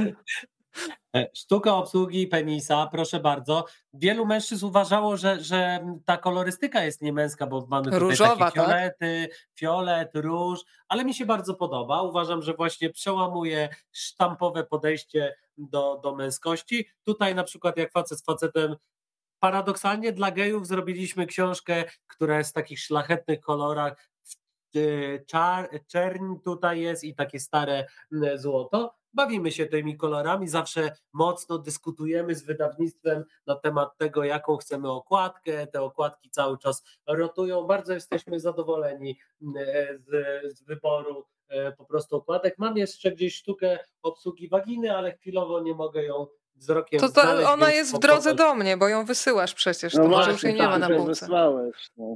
Właśnie, właśnie. Przemek, właśnie. To teraz pytanie no. do Przemka, bo przyznam ci się, że ja byłam mocno zaskoczona jednym z tematów, bo wydaje nam mhm. się, że ludzie jakby nie boją, nie boją się już eksperymentować z różnymi e, mocno e, no, trudnymi dla zdrowia e, substancjami.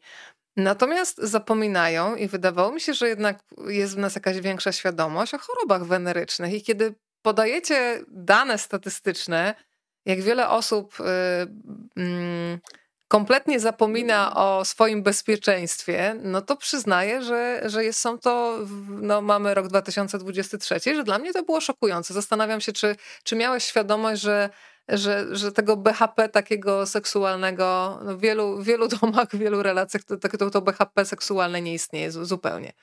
No, w domach to być może nie istnieje, bo ludzie w domach nie uprawiają tego seksu, no nie, ale tak. przede wszystkim projekt tego BHP y, jest y, mm, dotkliwy wtedy, kiedy się uprawia ten seks pokryjomu poza domem, właśnie na przykład jeszcze w nie, nieciekawej relacji. Mnie to na początku dziwiło, kiedy jeszcze rozmawialiśmy do książki Jak facet naszej pierwszej książki, E, I kiedy pojawiały się pierwsze informacje o tym, że jest renesans kiły, że, która się wydaje jakąś taką chorobą z dawnych lat. No ale kiedy teraz czytam, że, że, że powraca odra, jeszcze jakieś dwa lata temu były całe pochody antyszczepionkowców, którzy twierdzili, że, że szczepionka na na COVID to, to szkodzi, tak? I że w ogóle, w ogóle są, przecież to nie chodzi tylko o COVID, tylko oni tam mają rozmaite pomysły związane z tymi szczepionkami, że, że one chyba autyzm powodują, zdaje się, są takie teorie. Więc już mnie nic nie szokuje. Ja myślę, że y, takim realnym zagrożeniem, które cichło 30 lat temu, było AIDS. No od czasu, kiedy y, życie z wirusem HIV jest y, nie, nie różni się w zasadzie niczym od życia z cukrzycą, czyli bierze się leki i się normalnie funkcjonuje, no to już nie ma takiego bata po prostu nad ludźmi, no bo nawet y, ta kiła, no ona się wreszcie, no, nawet słowo kiła jest no trochę takie śmieszne w zasadzie, gdzie tam ja i kiła, przecież to, to w ogóle to, to tam umarł na syfilis. Wyspiański chyba ostatni umarł i razem z Wyspiańskim poszło to do, do sarkofagu, nie do piachu w jego wypadku. No ale, no ale właśnie, właśnie to jest, no więc znowu oczywiście warto o tym pamiętać, a jeśli się nie stosuje BHP, no to też warto się badać. No i też y, nie tylko po to, żeby nie roznosić tej kiły, tylko też trzeba pamiętać, że na przykład w przypadku tej choroby, no to ona może przejść fazę utajoną i skończyć się znowu problemami z mózgiem, być może też z oczami, już nie pamiętam, ale słynny tak.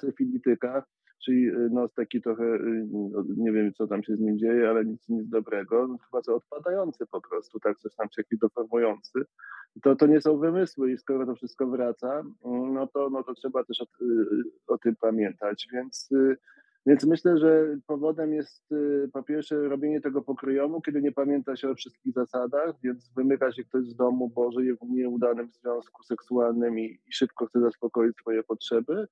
A drugie to jest takie, że jakoś tam będzie, a trzecie to jest takie, że no właśnie, że to się da jakoś tam wyleczyć, albo że może tego nie będzie widać, no po prostu. No, ale zazwyczaj jest widać i, i, i no tylko no, i, no, prośba do tych wszystkich, którzy złapali, żeby jednak szli później z tym do lekarza.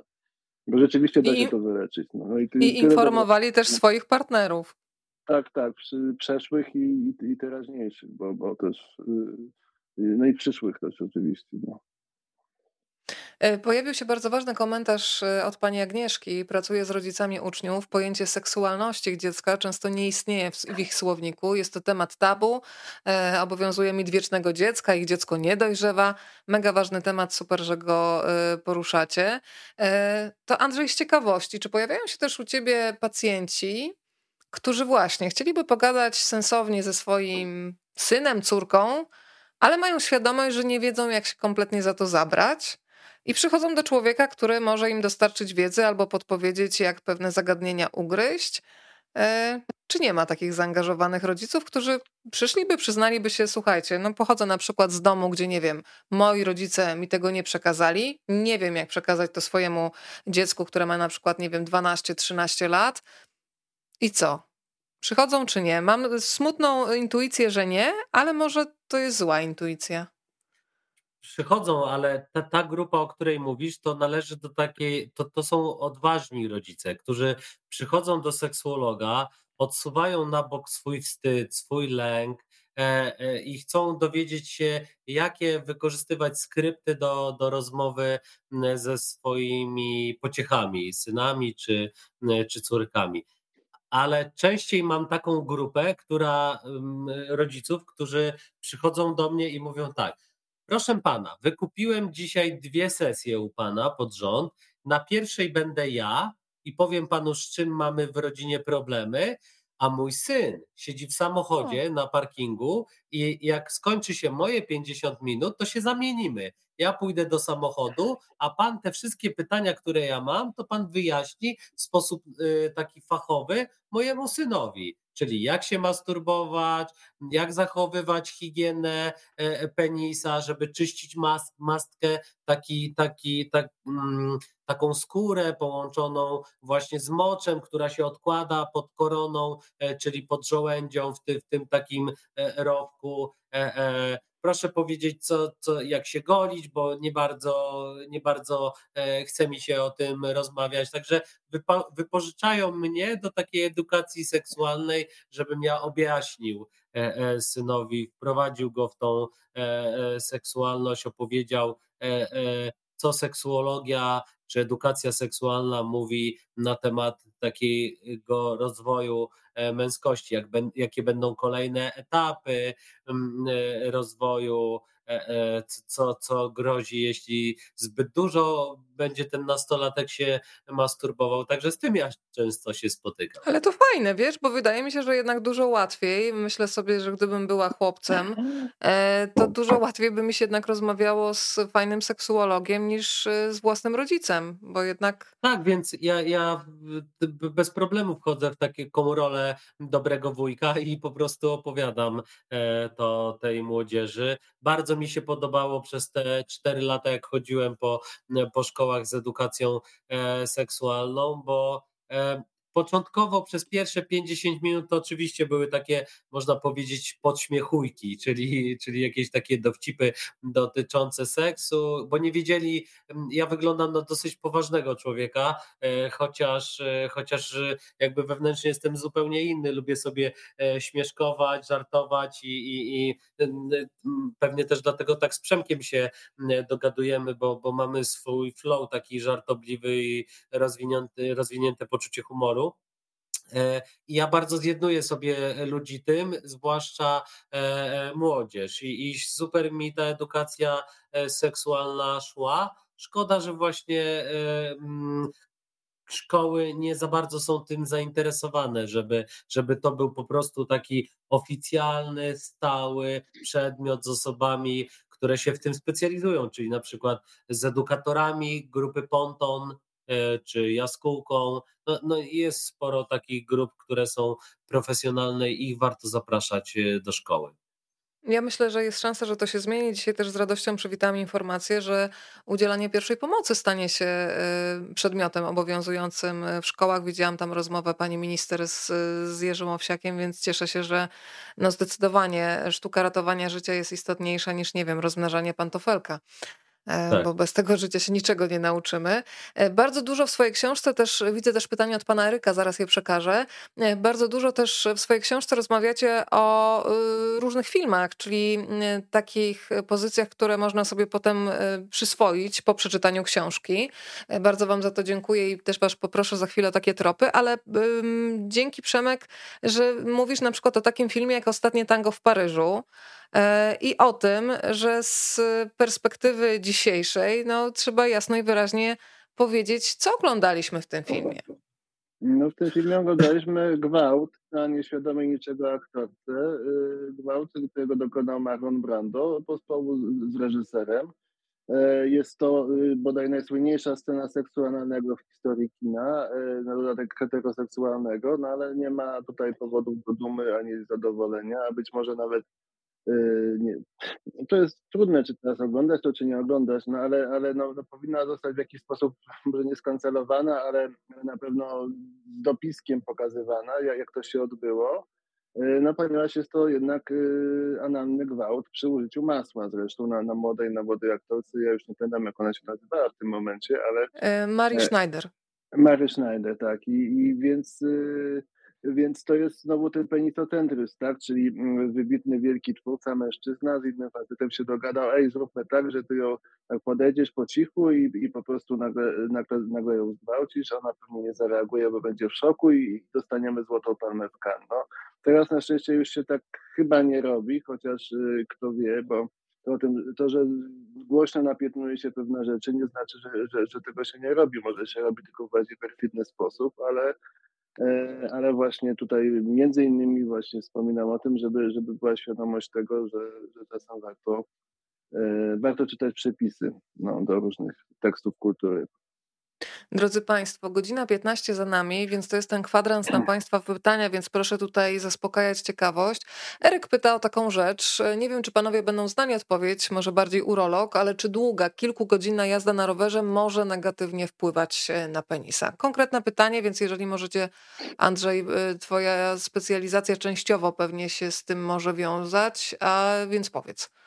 Tak, niestety tak, bo Penis ma, po pierwsze są te ciała jamiste, które mogą zostać uszkodzone, ale też e, penis jest obłożony taką osłonką białawą i ona po prostu, e, jak jest cały czas gnieciona przez siodełko, przez e, różne wertepy, które powodują, że to siodełko uderza o, o penisa i o jądra, to mogą powstać mikrouszkodzenia, które wpływają na zaburzenia erekcji, na nieczynność jąder, także warto jeździć w takich mm, specjalnych spodenkach, które są wypełnione pod, taką podkładką żelową, która ma za zadanie chronić i amortyzować e, mm, i jądra, i, i samego e, penisa. Ja pamiętam, że jak właśnie 20, ponad 20 lat temu współpracowałem z profesorem Starowiczem e, i ja tam odpowiadałem za za terapię mm, psychogenną jako psycholog.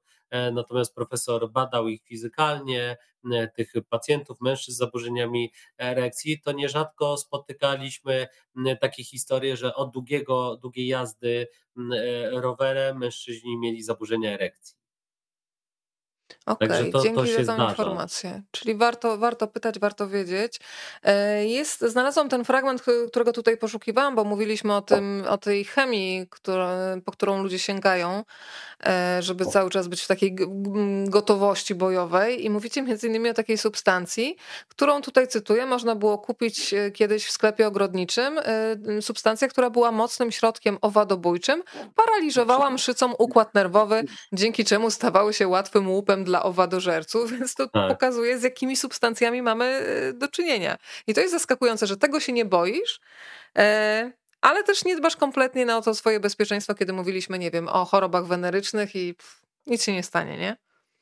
No, no to jest mhm. ciekawe właśnie, że też y, na przykład kiedy tą chorobę się już złapie, to osoby y, boją się iść do lekarza albo wstydzą. No ja akurat mam tak, że Y, że, że, że, że mój chłopak jest lekarzem i kiedyś ktoś tam do mnie napisał po prostu, że, że coś mu się chyba wydarzyło w czasie seksu z dziewczyną przypadkową i czy nie mógłby pokątnie dostać jakiejś recepty, po prostu, bo się wstydzi z tym iść do lekarza. No oczywiście napisałem, że czegoś takiego nie ma, no bo trzeba obejrzeć i tak dalej, i tak dalej, tak. ale ale jakby, czyli ten wstyd, żeby nawiązać przypadkowy kontakt seksualny bez zabezpieczenia, tam nie było wstydu, ale żeby pójść z problemem do lekarza, już się pojawił wstyd. No i to, to, to, to, to, to jest ciekawe, bo, bo powinno być na odwrót. Także mam zaufanie do lekarza, bo jest specjalistą, a uważam tam, gdzie nie wiem za bardzo, na co mogę trafić. Tak, i myślę, że ci lekarze, którzy pracują też na SOR-ze, o czym też y, piszecie, ale też rozmawiałam ostatnio z Jankiem Świtałą, naprawdę widzieli już chyba wszystko na SOR-ze. E, to, co ludzie sobie potrafią włożyć e, w określone otwory, e, które posiadamy. I naprawdę, no jeżeli już coś się stało i sami sobie nie radzimy, to nie ma co przedłużać sytuacji. Oni już naprawdę widzieli wszystko, należy pojechać do specjalistów i dać sobie pomóc, bo przedłużanie staje się męką, tak sobie to wyobrażam. Nie, Kolejne... Ja przepraszam, tutaj tak. a propos rzeczy, które mnie zaskoczyły, Andrzej opowiada w książce o kobiecie, która masturbowała się porem. To też tak. była rzecz która nawet teraz, to, to, to nawet bardziej mnie zaskakuje niż ten renesans kiły tak naprawdę. No porem nie. Po porowie mówimy zdecydowane e, nie w takim razie.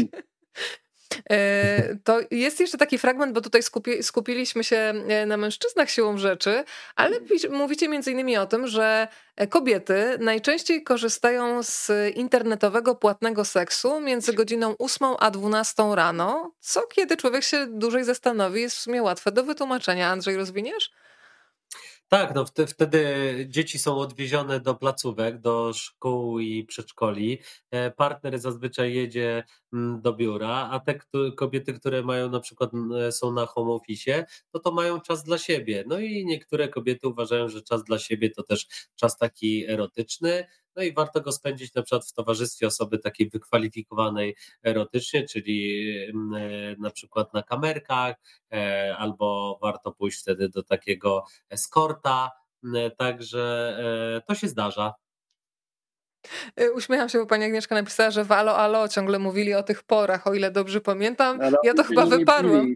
Tak, nie, nie, oni się, to panowie byli bici porem przez, e, przez, przez panie, tak, przez Iwetę. Ale skąd wiesz, co się działo wcześniej z tymi porami? Słuchaj. No, nie bo chodzili na pięterko, no właśnie. Tak. tak. No.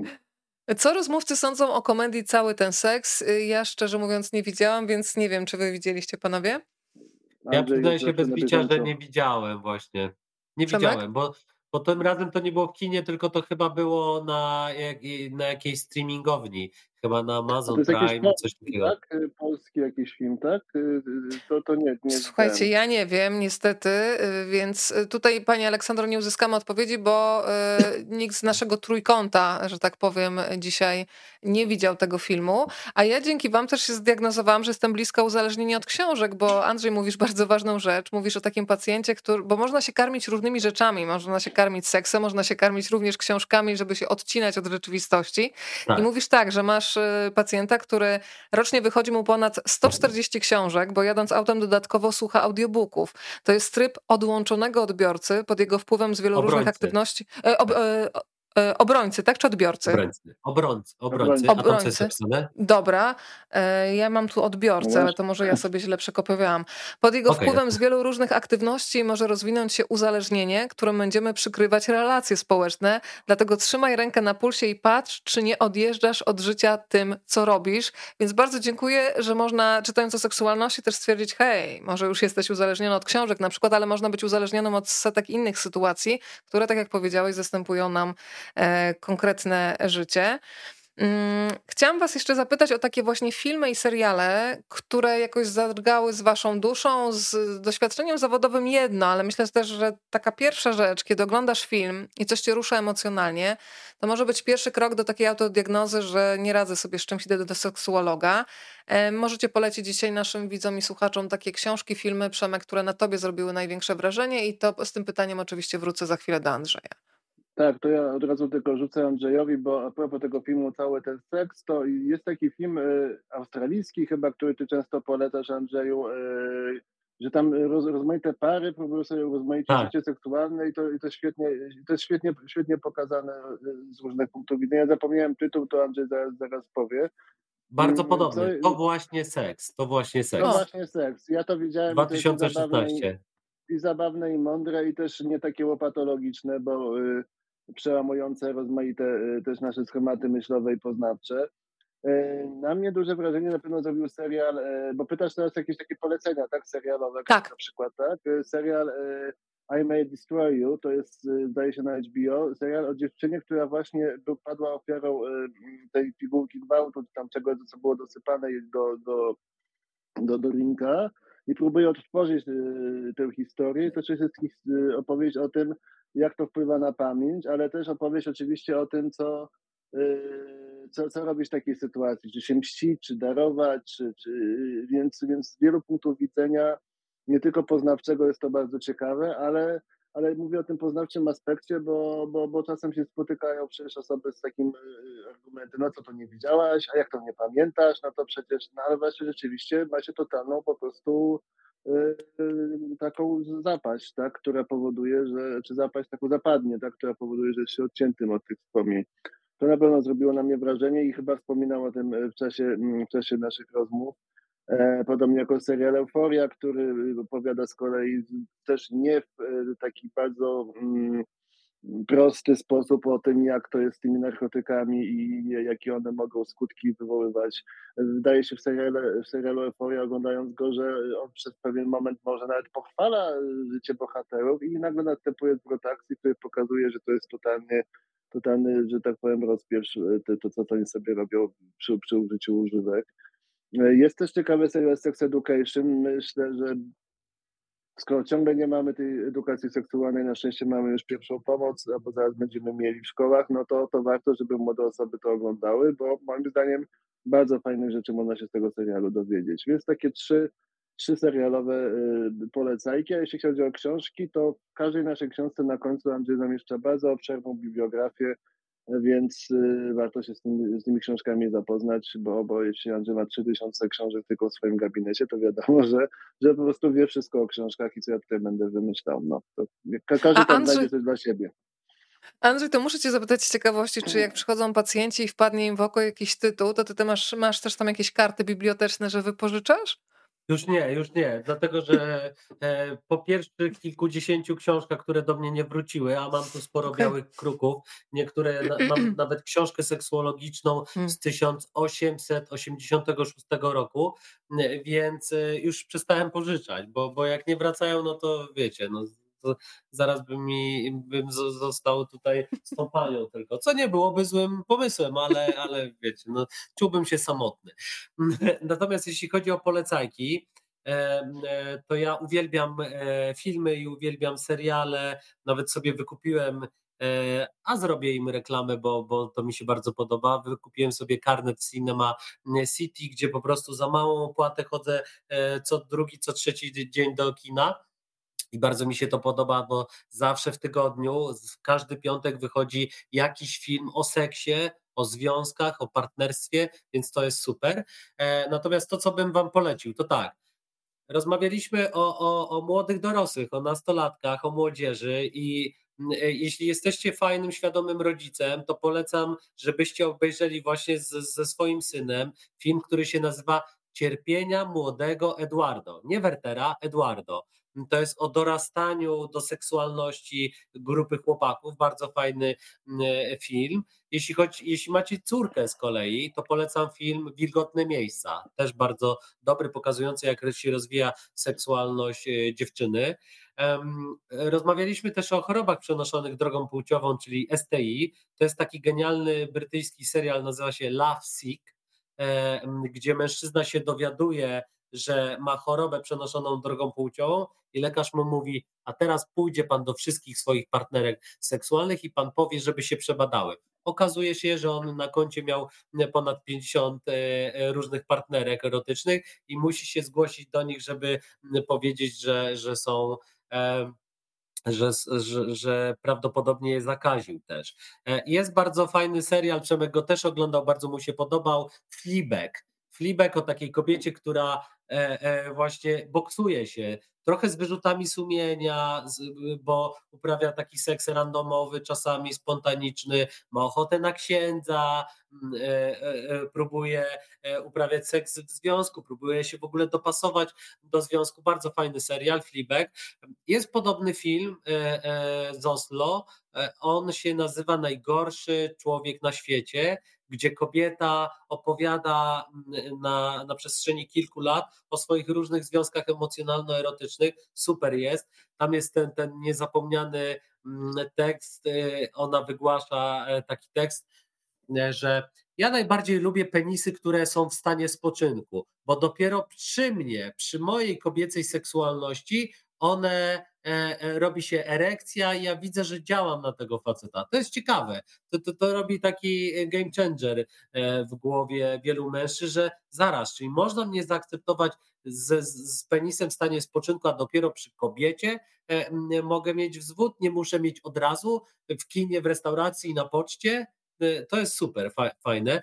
Jest też serial o pracy osób, które e, trudnią się, parają się seksem e, płatnym, nazywa się Wyposażony. O nauczycielu z Bostonu, który jest nauczycielem, właśnie ma słabą pensję i chce sobie dorobić, e, spotykając się z kobietami. Jest on trochę zabawny, a trochę edukacyjny. Wyposażony na HBO Go polecam.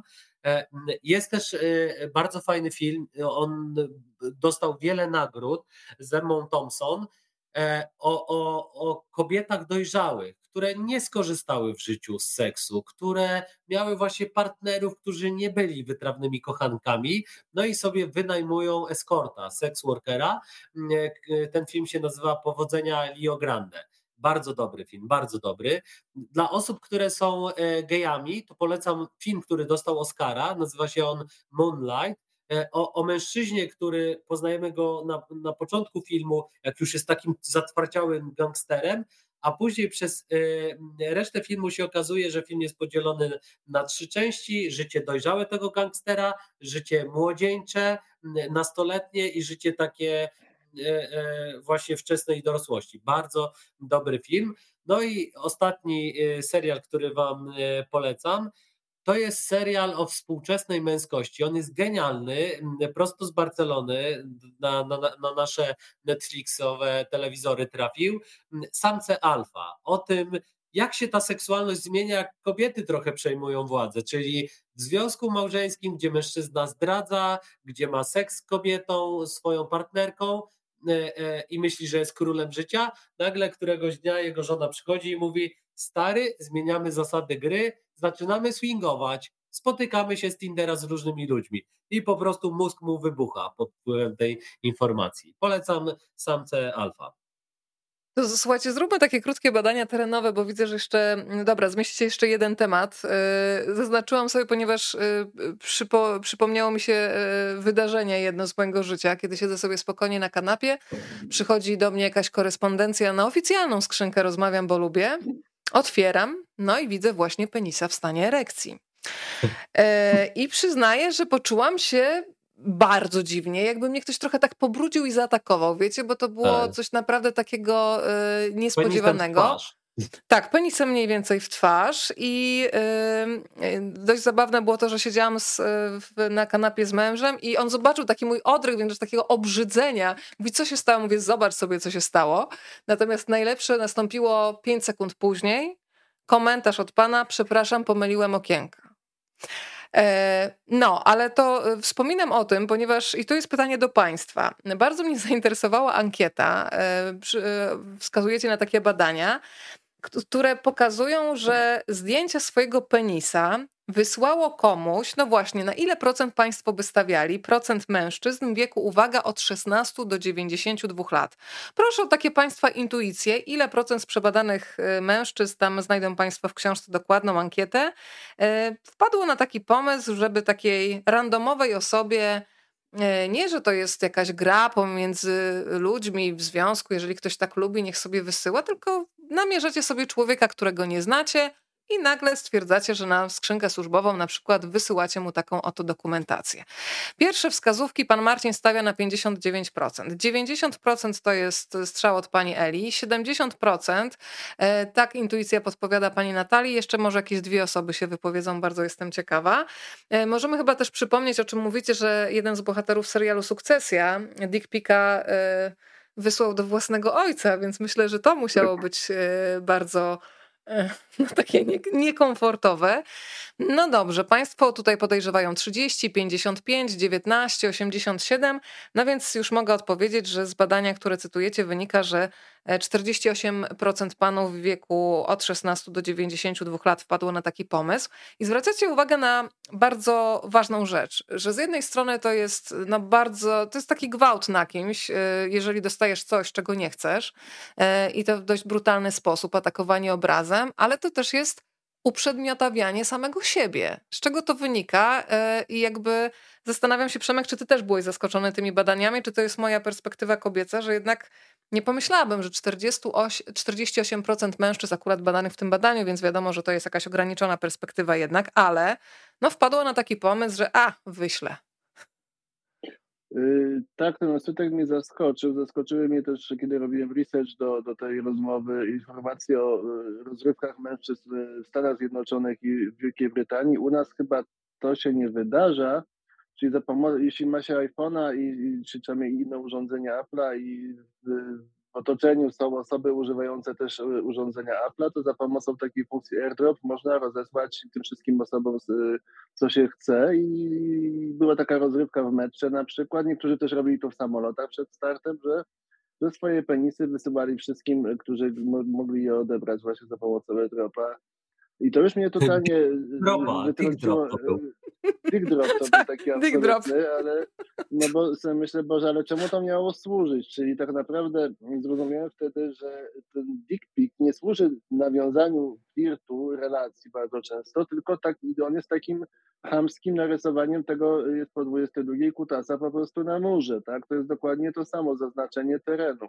Eee, więc jest to chamskie i ma, ma jakieś cechy gwałtu po prostu. Więc y, dlatego też zaczynamy zresztą tę rozmowę, o ile dobrze pamiętam, od tego, że, że, że ja uważam, że to jest gówniarstwo.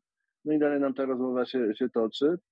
Bardzo dla mnie ciekawe jest to, że z innych badań rozmaitych wielu i też z reakcji y, głównie kobiet y, wynika, czy odbiorczyń tych pików, że to w ogóle nie działa, wręcz przeciwnie jest to anty, antyskuteczne. Jest to obrzydliwe. Mimo, jest to obrzydliwe i rzadko kiedy y, osoba, kobieta po otrzymaniu takiego zdjęcia mówi, o Boże, rzucam wszystko i nie wiem, wychodzę za niego za mąż po prostu, tylko wręcz przeciwnie, po prostu blokuje. Kontakty.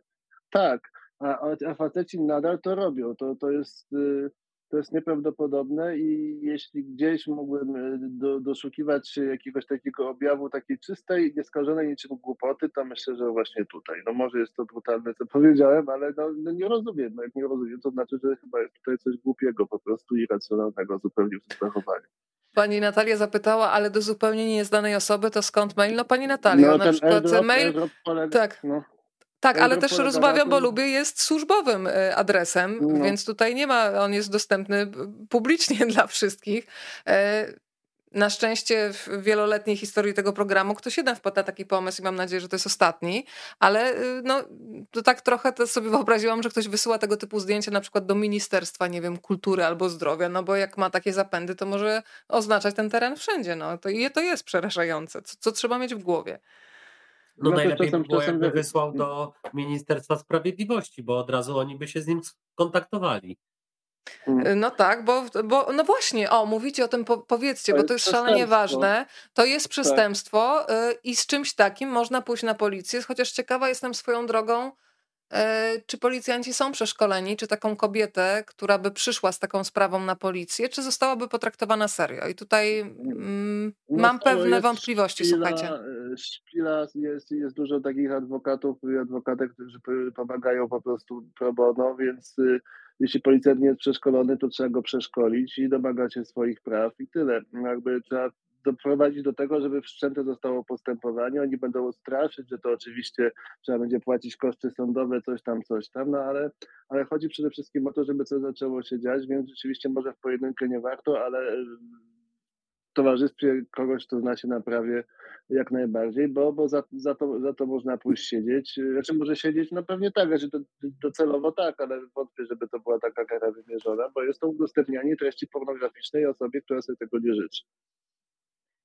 Panowie, zbliżamy się do finału naszej rozmowy. Zatrzymam się przy takim e, fragmencie, który jest w podziękowaniach, taki akapit.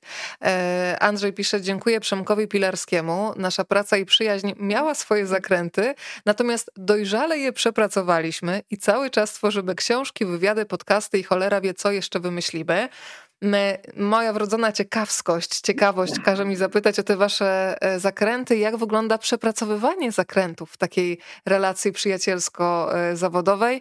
No i jak powiedziałeś, że cholera jeszcze wie, co wymyślicie, to na jakim etapie jesteście wymyślania, więc ile możecie zdradzić Przemek z Andrzejem, to poproszę a potem będziemy Państwu życzyć ja dobrych o snów. Zakrętach, o tych Dobra. Zakrętach, to pewnie Andrzejowi chodziło o to, że się przeprowadzimy z Warszawy do Łodzi.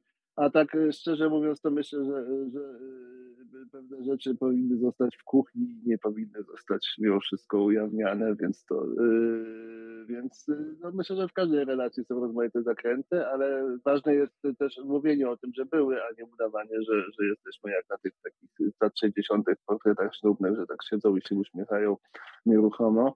E, a jak wygląda przepracowywanie? W sumie nie wiem, jak wygląda to przepracowywanie, Andrzej. No pewnie po prostu No właśnie, jak to się stało. Do, dojrzale rozmawiamy o tym i ja myślę sobie, że to no jest fajna męskość. To jest fajna męskość. Przemek jest gejem, ja jestem osobą heteroseksualną e, e, i, i e, pomimo tego, że mamy na przykład różne orientacje, byliśmy też w różnych środowiskach wychowywani. Przemek wychował się na wsi, pozdrawiam kwasówkę, w której Przemek się wychował, ja się wychowałem w Warszawie. Też.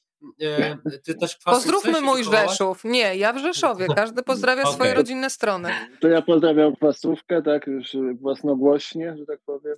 No. E, i, I myślę sobie, że dojrzałość polega po prostu na tym i męskość fajna polega na tym, że wprost się mówi o swoich emocjach, o swoich e, potrzebach, o, o tym, e, kiedy te nasze granice są na przykład naruszane, e, więc e, myślę, że, że w ten sposób przepracowywaliśmy szczerością, otwartością E, te różne e, zakręty.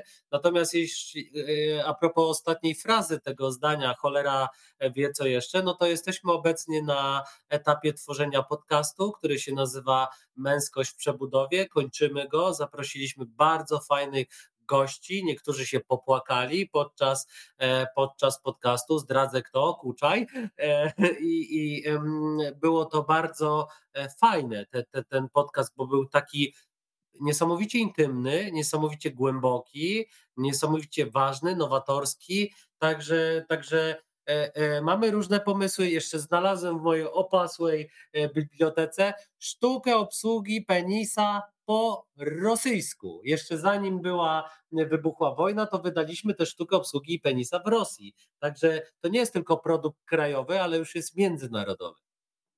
Słuchajcie, bardzo Wam dziękuję za dzisiejsze spotkanie. Bardzo mi dobrze dzisiaj z Wami było i naprawdę cieszę się, że można rozmawiać o seksualności, yy, nie zakrywając tej seksualności yy, śmieszkowaniem, chociaż też wesoło było, ale chodzi mi o to, żeby rozmawiać wprost, w otwarty sposób. Jeżeli się czegoś nie wie, to po prostu pytać. Do tego Państwa zachęcam. A po więcej rzecz jasna odsyłam do książki Sztuka obsługi penisa 2, nowe wyzwania. Andrzej Gryżewski i Przemysław Pilarski byli dzisiaj razem razem z nami. Bardzo, bardzo Wam dziękuję. My również dziękujemy bardzo. za zaproszenie. I dziękuję A za ja... komentarze. Tak, dziękujemy bardzo naszym widzom i zapraszam Państwa na jutro. Widzimy się o godzinie 20.30, a spotkamy się z Michałem Michalskim, autorem książki Gruby. Bardzo poruszająca książka, pozwalająca wrócić do takiego momentu życia e, chłopca 12-11-letniego, e, no, który zajada emocje, tym samym zabiera sobą coraz więcej przestrzeni, ale cały czas nikt nie widzi tego, kim on jest. Bardzo mnie poruszył e, ten tekst, więc zapraszam również jutro o 20.30. A teraz już wszystkim e, życzę dobrej nocy, może niegrzecznej, może grzecznej, wybór należy do Państwa. Bardzo dziękuję Andrzej Gryżewski i Przemek Pilarski. Do zobaczenia. Dobranoc. Rozkosznej nocy. Ale świadomej. Świadomej. Świadomej.